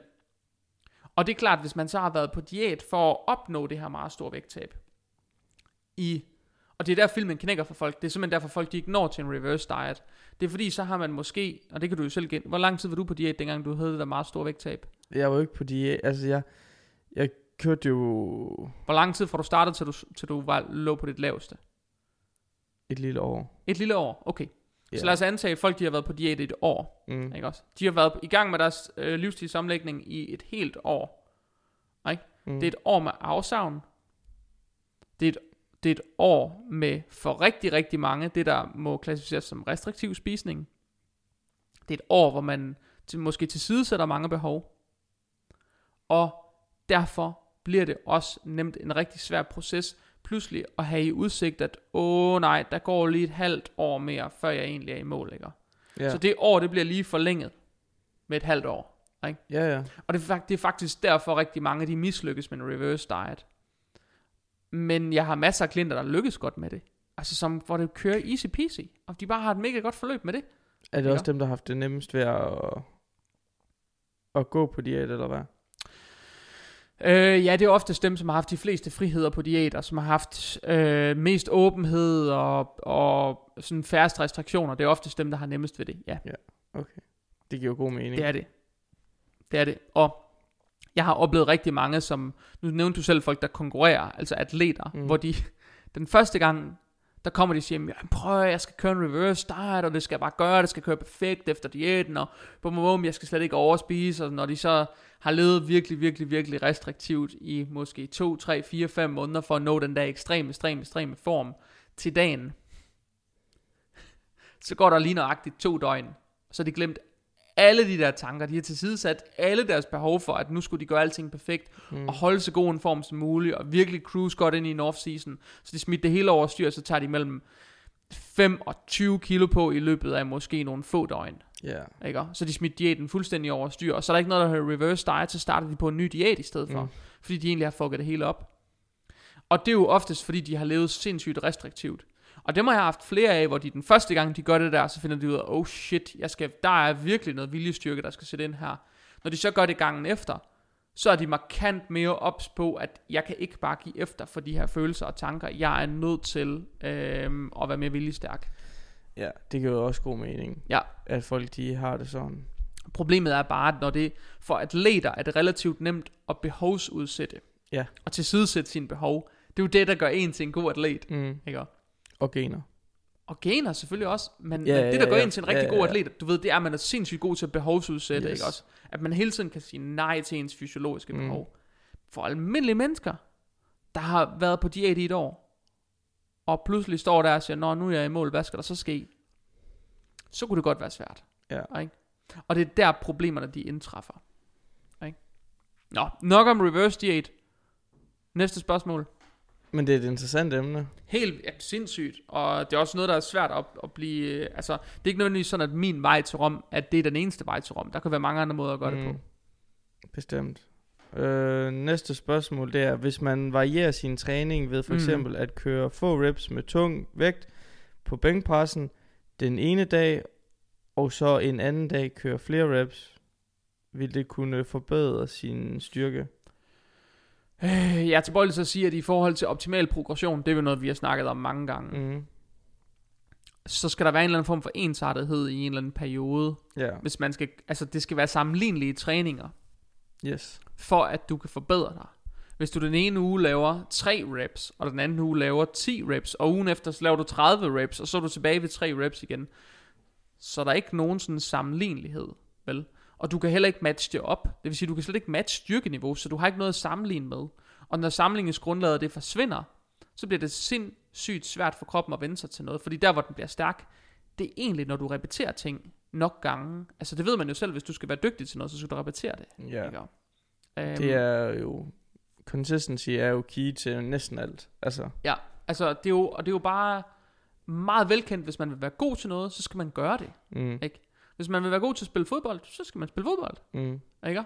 Og man skal blive ved med at lave dribleøvelser, før man bliver god til at drible. Man skal blive ved med at sparke på mål, før man bliver god til at sparke på mål. Ikke også? Man skal blive ved med at lave hovedstød, før man bliver fucking god til at lave hovedstød. Ikke? Det handler ikke om, at man øh, laver hovedstød øh, en gang hver syvende måned, fordi man laver 17 andre øvelser Mm. de, de andre uger. Det handler om, hvis man er god til at lave hovedstød, så er det bare repetition, repetition, repetition, repetition, Yes. uge efter uge efter uge efter uge. De samme positioner, med de samme indspark, osv. osv. Og det er jo lidt det samme, når man styrketræner. Kroppen, den vender sig jo til nogle bevægelsesmønstre. mm, Ikke også? Den vender sig til, hvad du gør, hvordan du gør det, og hvorfor du gør det. Og hvis du repeterer de, de samme opsætninger, de samme mønstre, uge efter uge efter uge, så vil kroppen blive bedre. Den vil tilpasse sig. Ikke også? Den vil blive bedre, du vil blive stærkere som konsekvens af det. Men hvis du altid mixer din træning op fra den ene uge til den anden, altid varierer øvelser, den ene uge så er det bænkpres, den anden uge er det håndvægtspres, ugen efter så laver du noget floor press, og ugen efter det igen, så laver du en maskinpres, og så den femte uge, så er du tilbage ved øh, øh, det du gjorde første uge. Så kan du ikke sammenligne det på nogen måde. nej, det er svært. Det, der bliver ikke Eller nogen det kan du styr, ikke der bliver ikke rigtig nogen styrkegenerering ud af det der, fordi kroppen kan ikke rigtig vende sig til nogen form for stimuli, vel? Det er nogle øvelser, der ligner hinanden, men det er ikke sådan, at, øhm, at det er noget, den kan vende sig til på den måde. Øh, så det er simpelthen ikke konsistent nok. Så repetition af mønstre er i virkeligheden den sikreste måde at blive god til noget på. Øhm, det er det. Ja, Og sådan er det, det ved vi jo selv øh, fra alle andre aspekter i vores liv. yes. Ikke? Det er der egentlig ikke nogen stor forskel på. Nej, det tror jeg heller ikke. Jeg, Mm. jeg tror, du ramte den rimelig spot on der. Fedt. Øh, næste spørgsmål er din holdning til kulturen omkring, at man skal være perfekt 24-7, 365 for at opnå resultat. Hvad tænker du om det, Jacob? Det lyder dumt. Er du med på, at det er der? Ja, det er work hard, øh, sådan eat, grind, sleep, repeat. Altså, Ja. Og, og det er jo den ældste quote i bodybuilding-bogen. Altså, Ja. Eller, ja, så jeg synes, at det er jo en meget... Øhm, Det er, når man slår op i Bodybuilding Rulebook Yes. number one, så er det Så eat, står den der. Eat, eat, train, sleep, repeat. Ja. Ikke også? øhm, jeg tror helt sikkert, at der er nogen, der har det bedst, hvis de lever i den mønster. Men personligt synes jeg, at det er øh, ikke den bedste tilgang til tingene. Fordi hvad så, hvis du en eller anden dag fejler, så har du ødelagt det hele, og så skal du starte, altså, dag, så kan du gå hen til den der tavle med Days Without Accidents og wipe 0. Og så synes jeg også, at det er jo igen det, vi snakker med behovsudsætning og alt Ja. det her, at det kommer også an på, hvad du skal med det. Hvis du vil være verdens bedste til bodybuilding, hvis det er det, vi tager udgangspunkt i, Ja. så er du nødt til måske at gøre det her. Men hvis du er alle andre, om du bare er en person, der tænker, jeg vil godt leve sundt og træne meget, så skal du også nogle dage Mm. mm. chill, eller acceptere, at i morgen, der skal du altså øh, op på skolen med dine børn, så du kan ikke få den træning. Altså, så jeg synes jo, at det er en meget forældet og en meget ekstrem tilgang til tingene, som virker for langt de færreste mennesker. Det er enig. Og øh, fuldstændig enig, det virker for, det er faktisk en rigtig god pointe, det virker for langt de færreste mennesker at skulle gøre alting perfekt. Mm. Øhm, og, og vi snakkede lidt om det øh, tidligere, det der med, hvis du øhm, i forbindelse med reverse diet, det der med, at du kan godt udsætte dine behov i en rum tid, hvis du ved, at det er på lånt tid. Ja. Hvis du ved, at du får lov til at give slip på det igen, og Ja. det tjener et eller andet formål, så kan du godt gøre det i en rum tid. Men du kan ikke gøre det for evigt. Nej. Og derfor bliver det heller ikke særlig bæredygtigt øh, at gøre det, altså forsøg på det. Du vil finde ud af, at indimellem så løber du hovedet mod muren, øh, og så kommer du til at bryde med det. Øh, og så Mm. fejler du i princippet i den optik, at du ikke kunne leve op til det der perfekte ideal. Ja. Det er jo, så fejler du jo i princippet, det er jo en fiasko. Hvis man endda hørte øh, afsnit med Michael øh, for et par uger Ja. siden, Michael Rasmussen. Ja, der snakkede han jo også om, at lige så snart han havde været færdig med et øh, stort løb, så lå han cyklen stå Ja. lige så lang tid, at den, altså, han skulle ikke tage den om præcis to uger. Han lå den stå indtil, at han kiggede på den og tænkte, nu vil jeg gerne cykle lyst igen. igen. Ja. Og det tror jeg er en meget mere, hvad skal man sige, øh, en god måde at gå til det på. Mhm. Fordi der kan man jo sige, at en ekstrem sportsudøver, som lever af det her, hans tilgang, det er, at der skal sgu også uh, chills og alt det her. Bortset fra, det vil ikke være sindssygt produktivt, hvis man er gået i gang med en livsstilsænding, og så siger, nå, okay, nu er jeg Nej, fandme nej, knoklet nej, hårdt i det- 8 det er måneder, så så, rigtigt så nok. nu tager jeg lige en pause, indtil jeg har lyst til at træne igen. Det er så også rigtigt nok. Øh, I det tilfælde vil det ikke virke. Fordi Nej, det vil ikke fungere, men, men jeg vil give dig ret i, at det, det øh, jeg tror, det du mener, det er det der med at få bragt noget balance ind i det, hvor man også indimellem tillader sig selv at Præcis. have en hviledag. Ja. og tillader sig selv at tage en fridag. Øhm, og, og det er jeg jo stor fortaler for. Jeg tror, der er langt større sandsynlighed for, at man kan øh, gøre alting 80% i gennem hele ens liv, Mm. og så have 20% tilfældigheder og 80% planlagt, end at man kan gøre alting perfekt hele ens liv. Hvis man kigger på det, altså hvor lang en tidsperiode kan man gøre alting perfekt, før man simpelthen falder fra, altså før man kører sur i det, før man, før man falder i, før man gør et eller andet, som betyder, at man bryder sit mønster. Og hvad sker der så, når man bryder mønstret? Mister man så al motivation for det, fordi man virkelig havde dedikeret sig så ekstremt til at gøre alting perfekt. Øhm, der tror jeg langt mere på det her med at, øh, at gøre alting måske 80%. Så okay, yeah. så altså, jeg, jeg, jeg, jeg, jeg tillader mig, så giver mig selv nogle friheder, jeg træner hårdt og det der, men har jeg brug for en ekstra hviledag, så tager jeg en ekstra hviledag. Øhm, og så sørger jeg for at få noget at spise, og en gang imellem så får jeg lidt ekstra mad, og en gang imellem så spiser jeg lige noget andet, end det jeg havde planlagt, fordi jeg også vil give mig selv nogle friheder. Der vil man få skabt langt mere konsistente resultater, end man vil den anden vej rundt. Yes. Og det synes jeg er en sindssygt vigtig pointe. Øhm, og den måde, jeg lever på i dag, faktisk, og også den måde, jeg har levet på igennem alle mine off-season forløb, når jeg har konkurreret, har været, at jeg lever 80% på kosten. Altså, jeg gør 80% planlagt, 20%, 20% øh, er ikke planlagt, eller sådan mere impulsivt. Mm. Øhm, og så sørger jeg for at få passet min træning nogenlunde. Har man brug for en ekstra hviledag en gang imellem, så presser man sgu en ekstra hviledag ind. Så går det nok, at der er et træningspas, som man er nødt til at udsætte til næste uge eller et eller andet. Men, men det handler også om at, at finde en bæredygtig approach, altså noget, man, og når det er bæredygtigt, så er det noget, man kan blive ved med. Ja, altså jeg tror det der, øh, ja det er øh, meget Altså, godt. Altså jeg tror, Også- et godt ordsprog, jeg har givet folk nogle gange, Mm. det kan du måske relatere til, hvad jeg har sagt. hvis det er en diæt, du ikke kan følge resten af dit liv, så er det ikke den rigtige diæt. Nej. Det er også, øh, det er jo rigtigt. Så, og det, så kan det godt være, at der er nogle ting, man skal rotere, eller man, man er nødt til at finde et eller andet basic setup, Mm. hvor det her, okay, det her, det kan jeg sgu godt, øh, de her tanker og de her idéer, dem kan jeg egentlig godt sådan følge resten af mit liv. Ja. Ikke? Øhm, hvis man starter på noget, hvor man godt kan se, okay, shit, nu er jeg udfordret. Ja. Det her, jeg skal virkelig tage mig sammen. Det kan jeg måske følge i et halvt år, så ved jeg godt, så kan jeg det ikke længere. Og jeg har det sådan, jeg tænker meget sådan, eller det gjorde jeg engang det der med, at når man ude spise sushi for eksempel, så plejede jeg at spise til jeg overhovedet ikke kunne mere. Det er godt, jeg ikke kan lide sushi. Nu er jeg mere sådan en type, der er sådan, "Bruh, jeg kommer til at spise sushi resten af mit liv. Mm. Så nu chiller jeg lige med det. Ja. Så nyder jeg det mere og alt det her. Og det samme med træninger. Hvis du går op i træning og sådan noget, du kommer nok til at træne resten af dit liv. Forhåbentlig. Så hvis du misser i dag, det er jo ikke, fordi jeg vil tale til, at øh, man, man skal bare mistræne. nej, nej, men, bare skal- men, men, nej, det er ikke det, jeg siger. Jeg siger bare, at for eksempel, hvis du er tvunget til at tage en hviledag, så, ja, enig.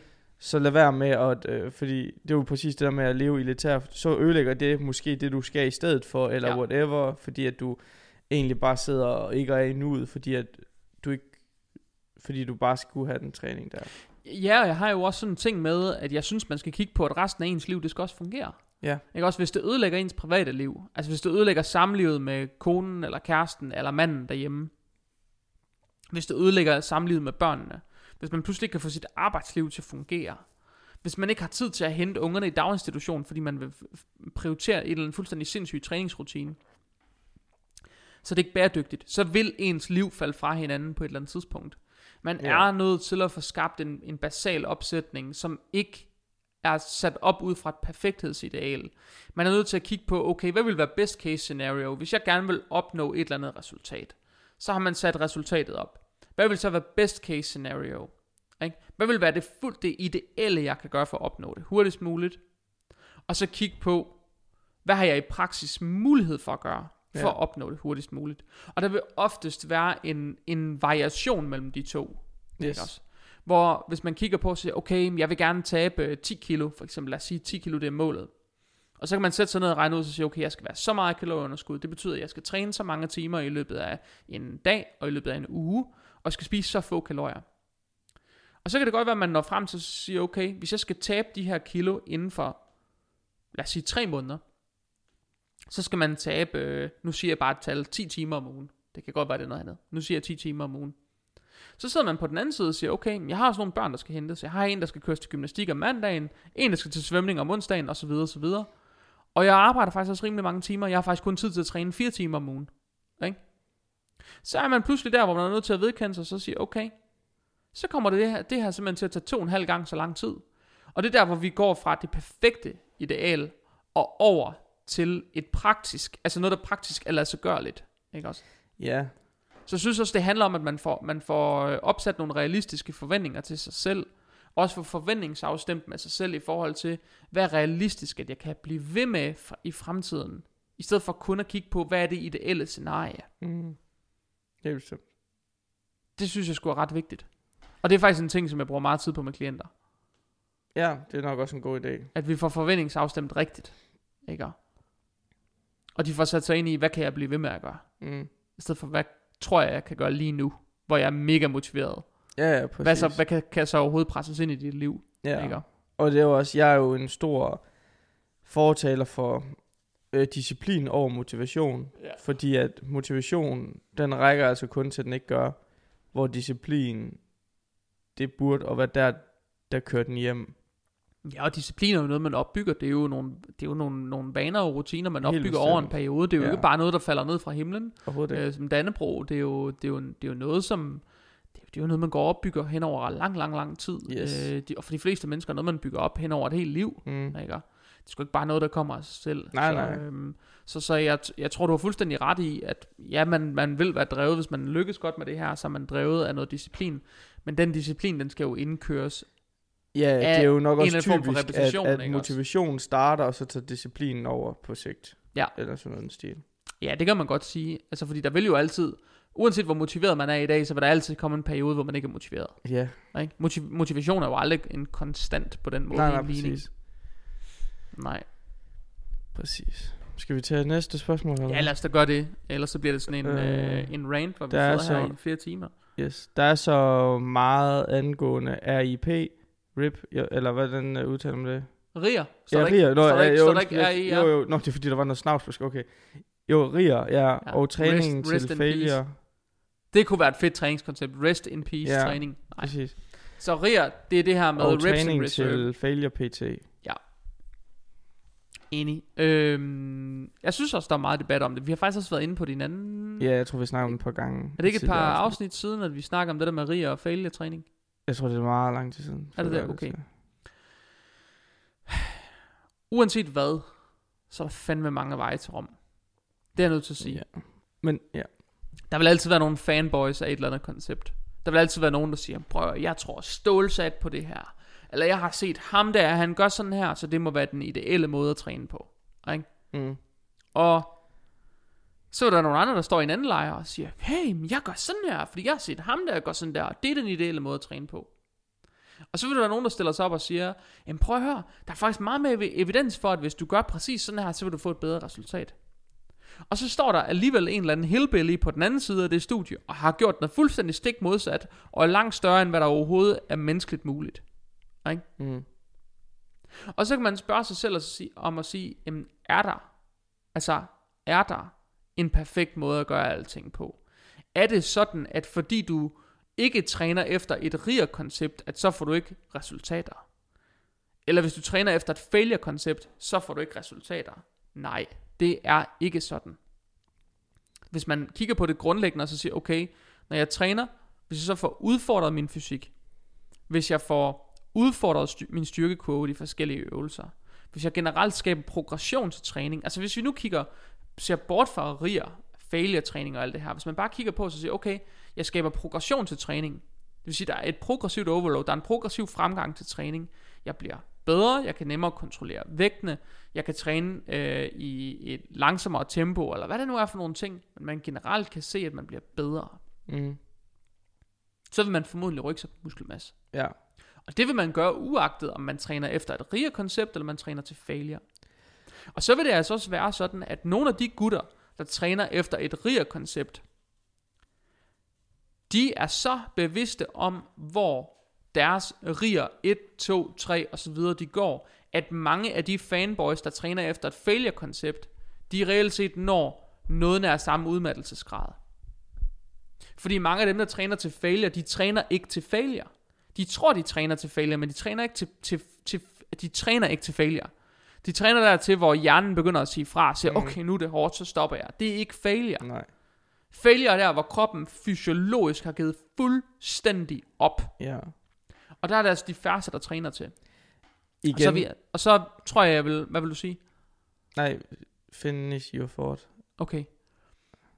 Og så tror jeg, jeg vil sige, at det gi- man skal tænke ekstremt meget over skadespotentialet ved altid at skulle træne alting til absolut failure.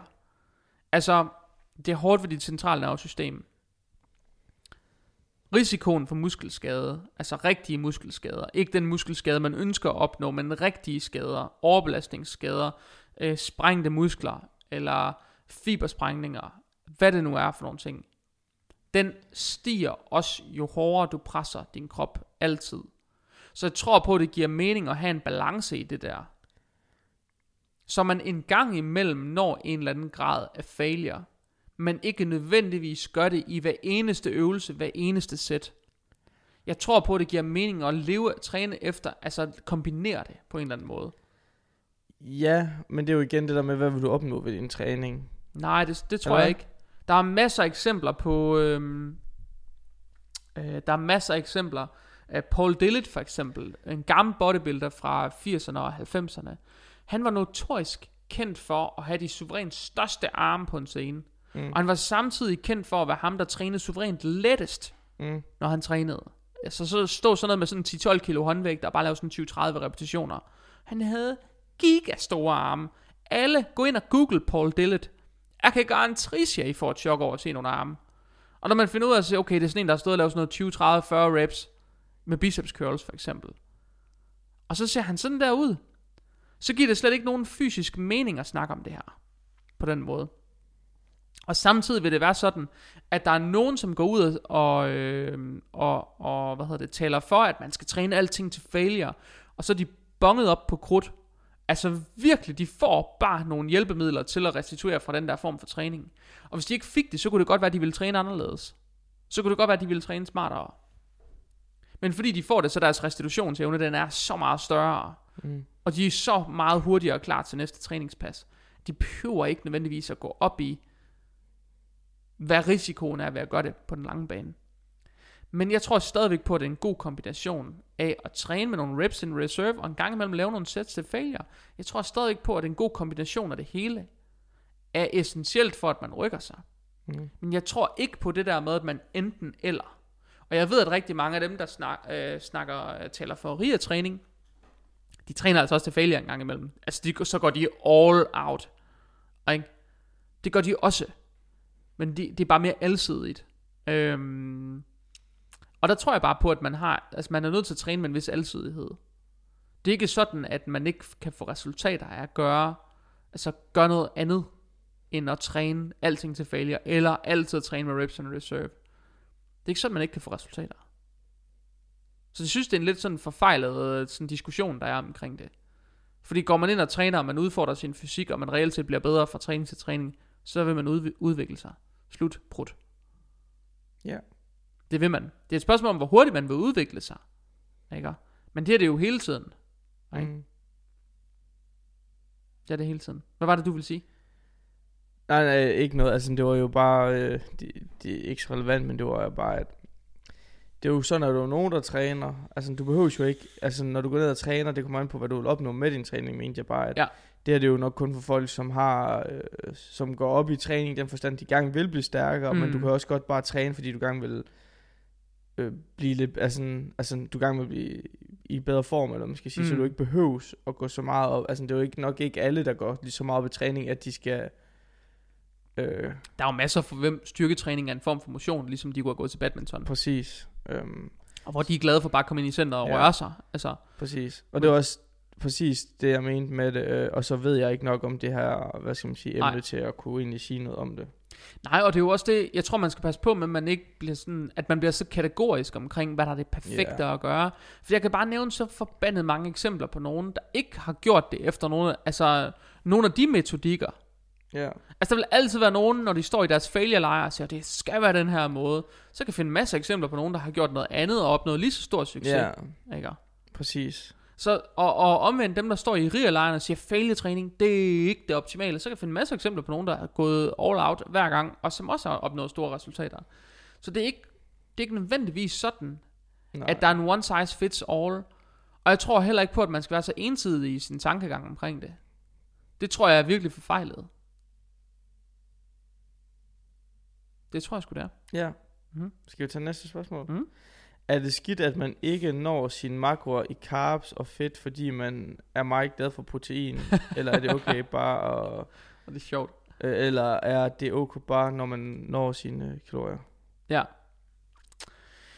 Du er jo faktisk i gang med sådan en diætforløb lige nu. Ja. Og hvad har du tabt 7 kilo eller sådan noget nu? Ja, Noget af den stil. det, ja, det er ikke meget galt. Og du er, det er en markant anderledes tilgang, du har til din diæt, Ja. end det du havde dengang, du tabte rigtig mange kilo, er det ikke det? yes, Jo. Dengang der havde du sådan en, en af de første gange jeg mødte dig, der fortalte du mig om sådan en, en Ja. diæt, hvor du havde levet af fetaost og kylling og øh, grønne bønner. Ja, stort set. Og så, havde, så fik jeg øh, lidt frugt og hvad hedder sådan noget, mysli bare på sidelinjen øh, en gang imellem.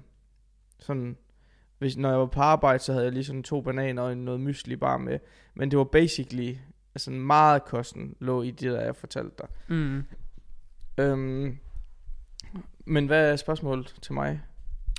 Øhm, Og er- spørgsmålet går jo på det her med, om det er meget vigtigt, man overholder sine makroer. Jamen, igen, Og en segway ind til det, det vil egentlig bare være for mig at spørge dig. Lige nu har du lykkes, du har smidt de der sådan 7-8 kilo. Du Ja. er egentlig kommet rigtig godt i gang. ja, det går Din fint. approach til det er ret langt fra, hvad den Ja. var engang. Er den ikke det? Jo, Du spiser meget mere varieret nu. ja, og lige hvad jeg har lyst til. Og lige hvad du har lyst til. Yes. Går du op i dine makroer? Nej.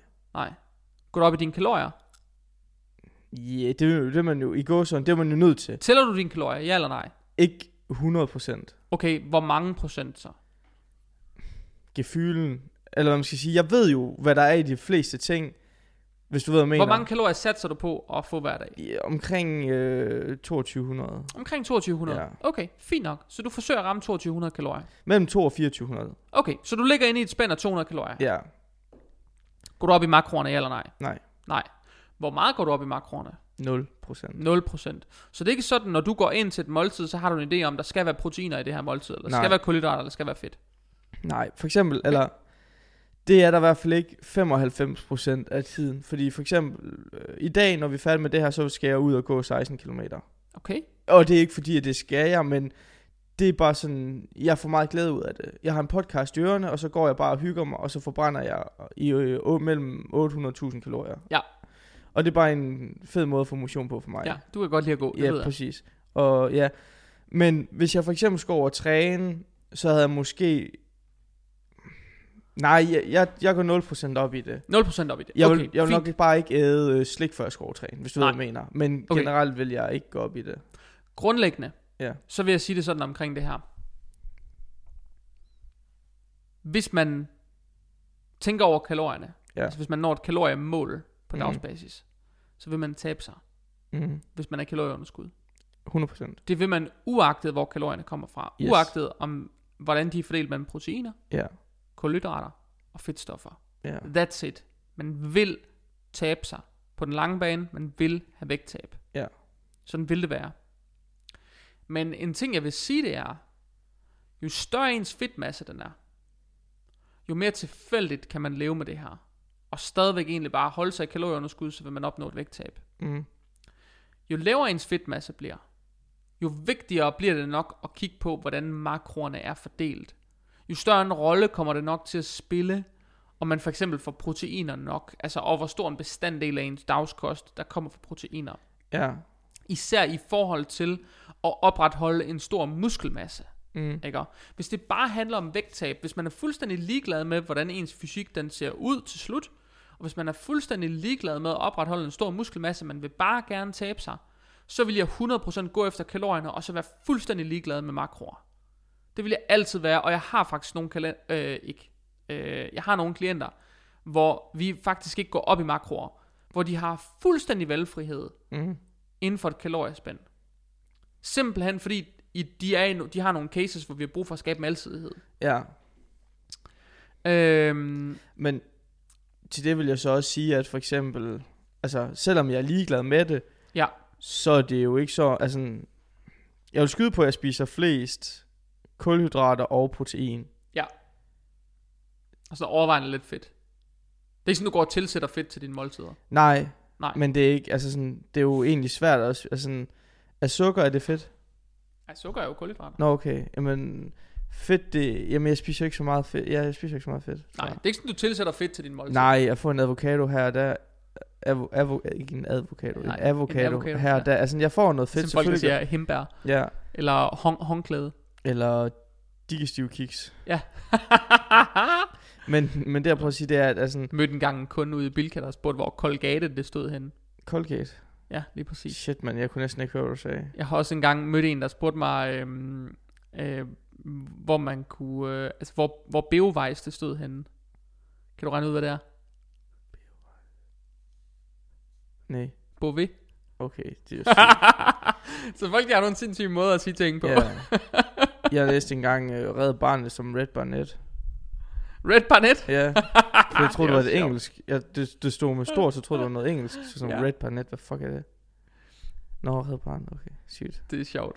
Ja, Det er fucking sjovt. Men-. Nå, hvad var du ved at sige? Nå, men, ja det, men, men jeg var ved at snakke om, at, hvad hedder det, selvfølgelig, altså, øhm, øh, jeg prøver jo selvfølgelig, Total afspor. ja, nej, men jeg prøver jo fuldstændig mistet selvfølgelig at spise, når jeg siger, at jeg er ligeglad, så er det jo ikke fordi, jeg spiser pizza 80% af min diæt, hvis du Nej. ved, hvad jeg mener.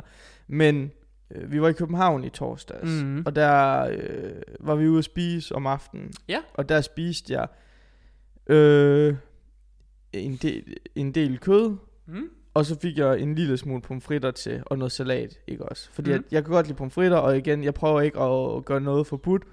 Så jeg tog lidt pomfritter, mest noget kød og noget salat, fordi det er også noget rigtig godt noget. Mm. Og det er jo sådan, Øh, det var det, jeg havde lyst til, fordi Ja. jeg havde lyst til pomfritter, men jeg havde heller ikke lyst til at sidde og spise mig ned pomfritter, hvis Nej. du ved, hvad jeg mener. Øhm, så det er jo... Så når jeg er ligeglad med det, så skal du ikke lyde som om, at jeg lever af kulhydrater. Nej. Eller f- sådan... Nej, nej, men sådan hører det heller ikke. Nej, nej, jeg hører det bare som om, du egentlig ikke sådan tilsætter helt vildt meget fedt i din kost. Nej, det nej, bare er der som en binær altså, ting. Det, det hele er der som en binær ja. ting. Jeg synes bare tit, at øh, for eksempel øh, råbrød med en øh, halv pakke, altså sådan, jeg tager to stykker råbrød, så tager jeg en par kamperyg og putter en halv på hver. Deler, deler pakken ja, på de og to så skiver. to, og så et æg oven på hver. Okay, Hvis fedt. du, og så, altså, det spejlægger jeg måske, fordi det, Ja. jeg kan godt lide spejlæg. Spejlægger det. Ja, fedt. men jeg har aldrig hørt jeg, det blive jeg, brugt på den måde. det. Jeg steger det. Det har jeg heller aldrig sagt før nu. Jeg steger det, altså tilsætter en lille smule smør, som er fedt, Ja. og, og steger de her æg, og så ovenpå.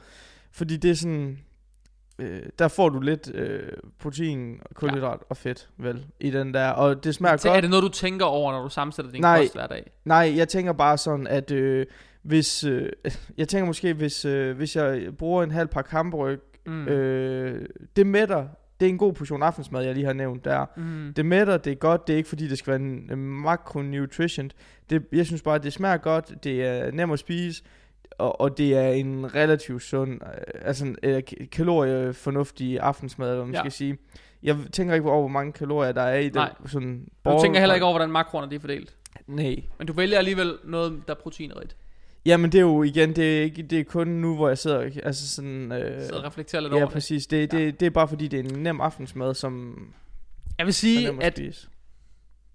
hvis det er vigtigt for en Ja, at opnå ekstremt lav fedtprocent, ja. Det er ikke Så målet lige nu. så nej, men så forudsætter en lav fedtprocent, at man har en høj muskelmasse. Yes. Og hvis noget skal være muskelbevarende, så er man nødt til at have en eller anden bestanddel af sin diæt fra proteiner. Selvfølgelig. Og man er nødt til at spise proteiner nogenlunde regelmæssigt i løbet af en dag, mm. så man i virkeligheden holder kroppen i sådan anabolt et stadie som overhovedet muligt. Men når det så er sagt, så vil jeg sige, jo større ens fedtmasse er, jo mindre vigtigt er makroerne. Ja. Og hvis vægttabet, eller hvis ikke, hvis vægttabet, hvis målet med vægttabet udelukkende er et vægttab, og det ikke er, at man skal lave en eller anden sindssyg kropstransformation, eller man skal opnå en eller anden mega muskelmasse til en start, man bare gerne vil lykkes med noget så basalt som at komme i gang med et vægttab, Ja. så bør man ikke gå op i makroer. Så bør man bare, undskyld mig, gå op i kalorierne, fordi det er Yes. rigeligt at fokusere på til en start. Hvor mange Ja. kalorier der er i forskellige ting. Det er rigelig stress for folk. Ja. ja. Øhm, ja. Jeg træner også nu her.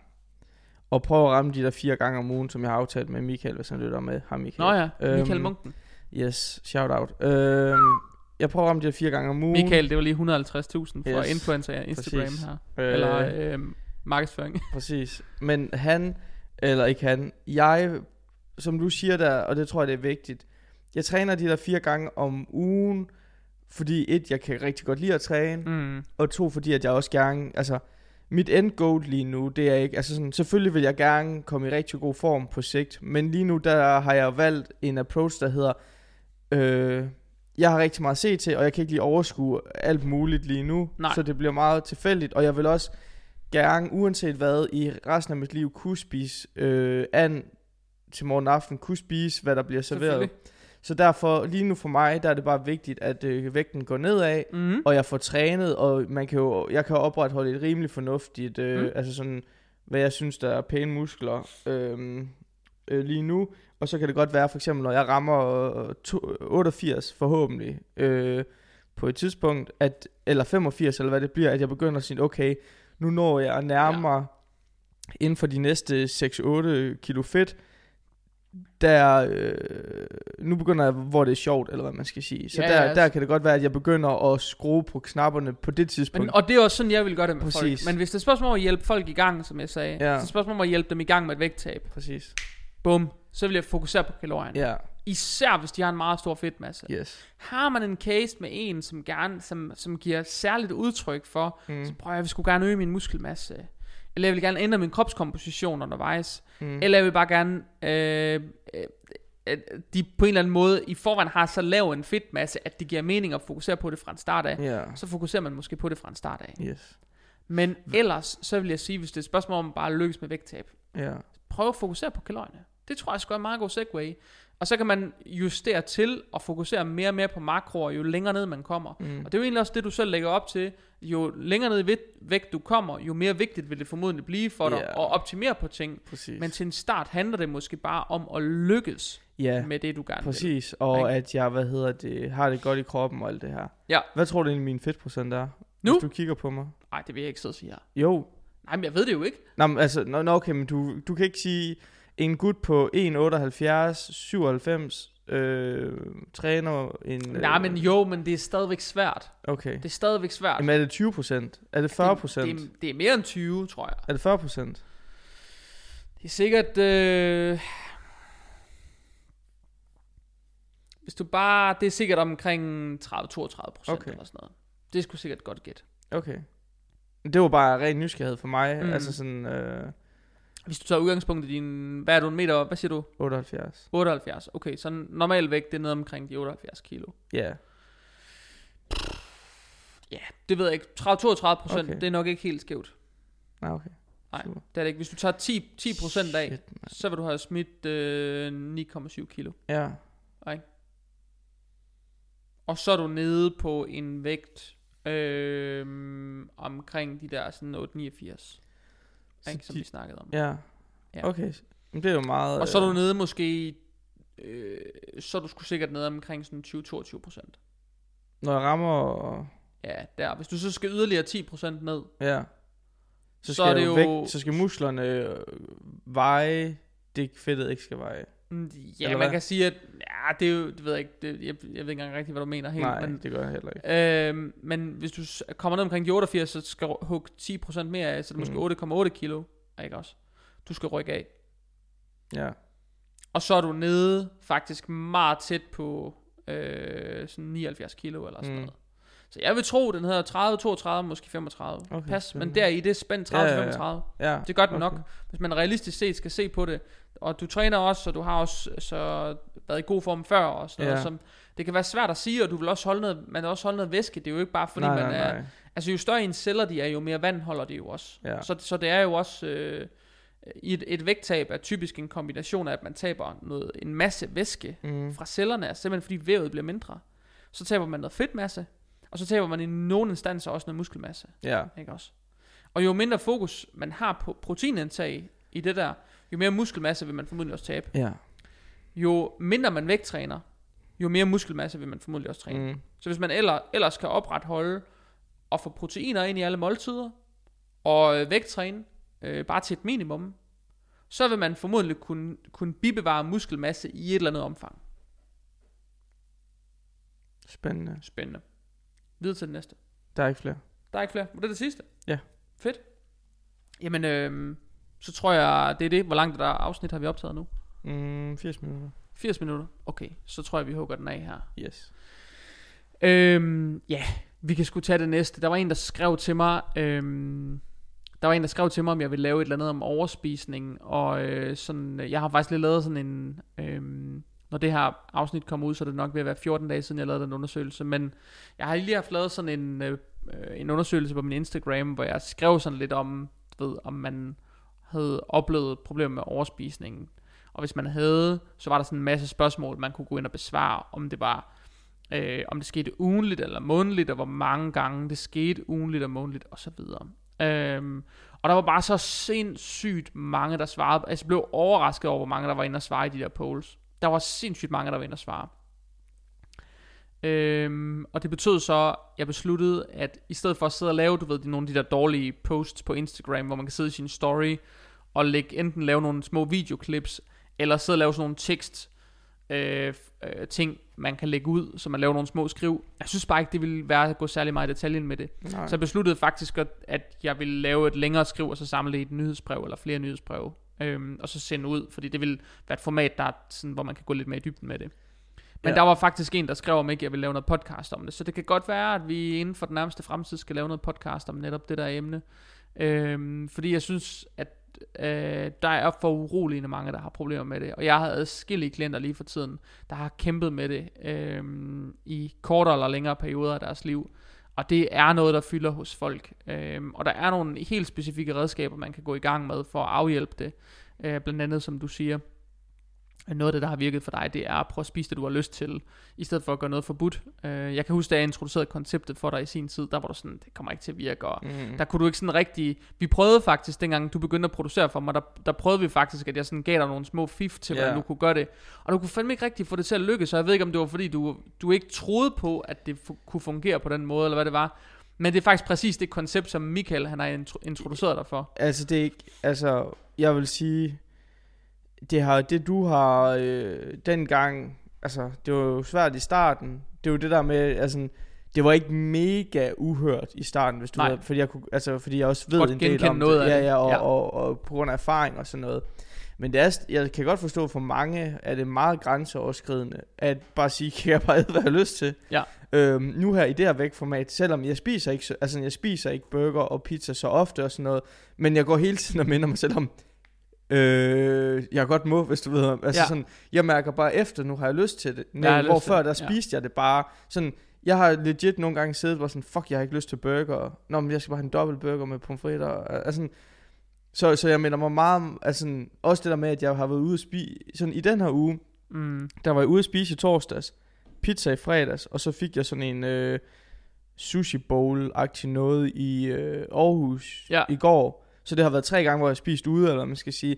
Men min vægt, den er bare stadigvæk sådan, God konsistent præcis. Og Ja. det er fordi, at jeg er ikke gået amok i det, og jeg har, hvad hedder det, bare sådan, som det der med øh, leven. Altså jeg har bare, når jeg har været med, så er det bare sådan, nej, jeg har egentlig ikke lyst til at spise Nej. op. Og det var samme med pizzaen der i fredags, der var der også to slices tilbage, fordi jeg var sådan, og jeg har ikke lyst til mere. Nej, men det er jo, og det er jo også, så det er jo faktisk noget, et koncept, jeg synes ikke, vi skal gå mere i detaljen med det, men det er et koncept, jeg har forsøgt at introducere dig for det. Ja. Du har faktisk, du har været sådan noget 8-9 måneder om en, egentlig at indse det. Måske det er den vej, du skal prøve at gå. Og så er der bare en anden, der har introduceret dig for det samme. Nej, og så, altså, jeg, og det, er jo sådan, det skal ikke lyde som om, at bare fordi du sagde det, men, men jeg har jo, Nej, nej, men nu- siden du har sagt det, så har jeg jo prøvet at arbejde med det i mellemtiden, Ja. og så har Michael bare, hvad skal man sige, gjort det, altså sådan basically brugt samme øh, ideologi, og nu har jeg jo bare besluttet mig for at go with the flow, Ja. og jeg har prøvet det i mellemtiden, hvor at jeg har tabt lidt og taget lidt på og sådan noget, men været glad, fordi jeg egentlig, jeg har været glad i de ni mellemliggende perioder, fordi jeg ikke har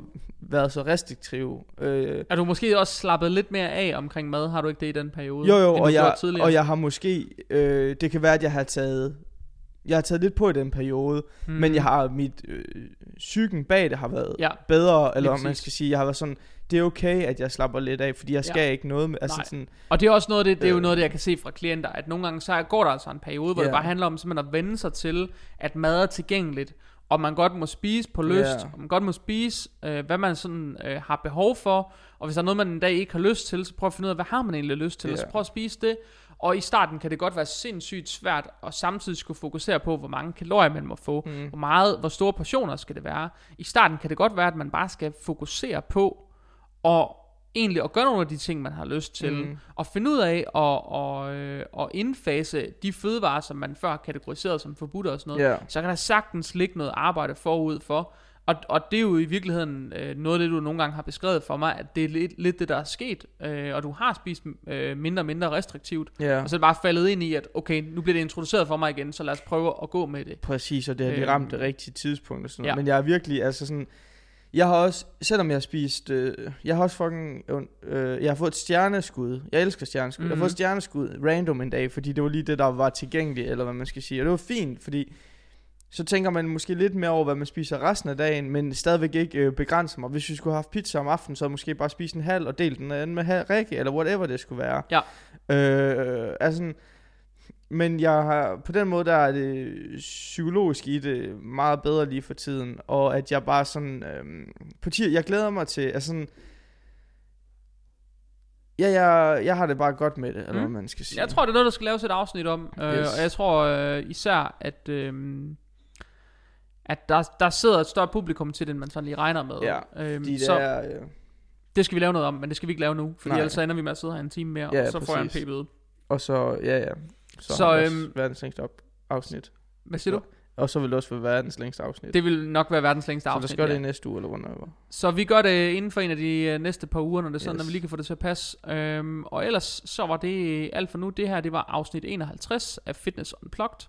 Hvis du har lyttet til podcasten, hvis du er glad for at lytte til podcasten, så gør mig den kæmpe tjeneste, at du suser en tur ind på iTunes podcast-appen. Hvis du har en øh, iPhone, eller har en Mac-computer, eller et eller andet, en iPad, ind på iTunes podcast-appen, find Fitness Unplugged, og så øh, giv den fem stjerner, smid en øh, positiv anmeldelse derinde, øh, fordi så får vi en lidt bedre placering i, øh, i algoritmen, og det betyder, at der er lidt flere, der i øvrigt kommer ind og lytter til podcasten.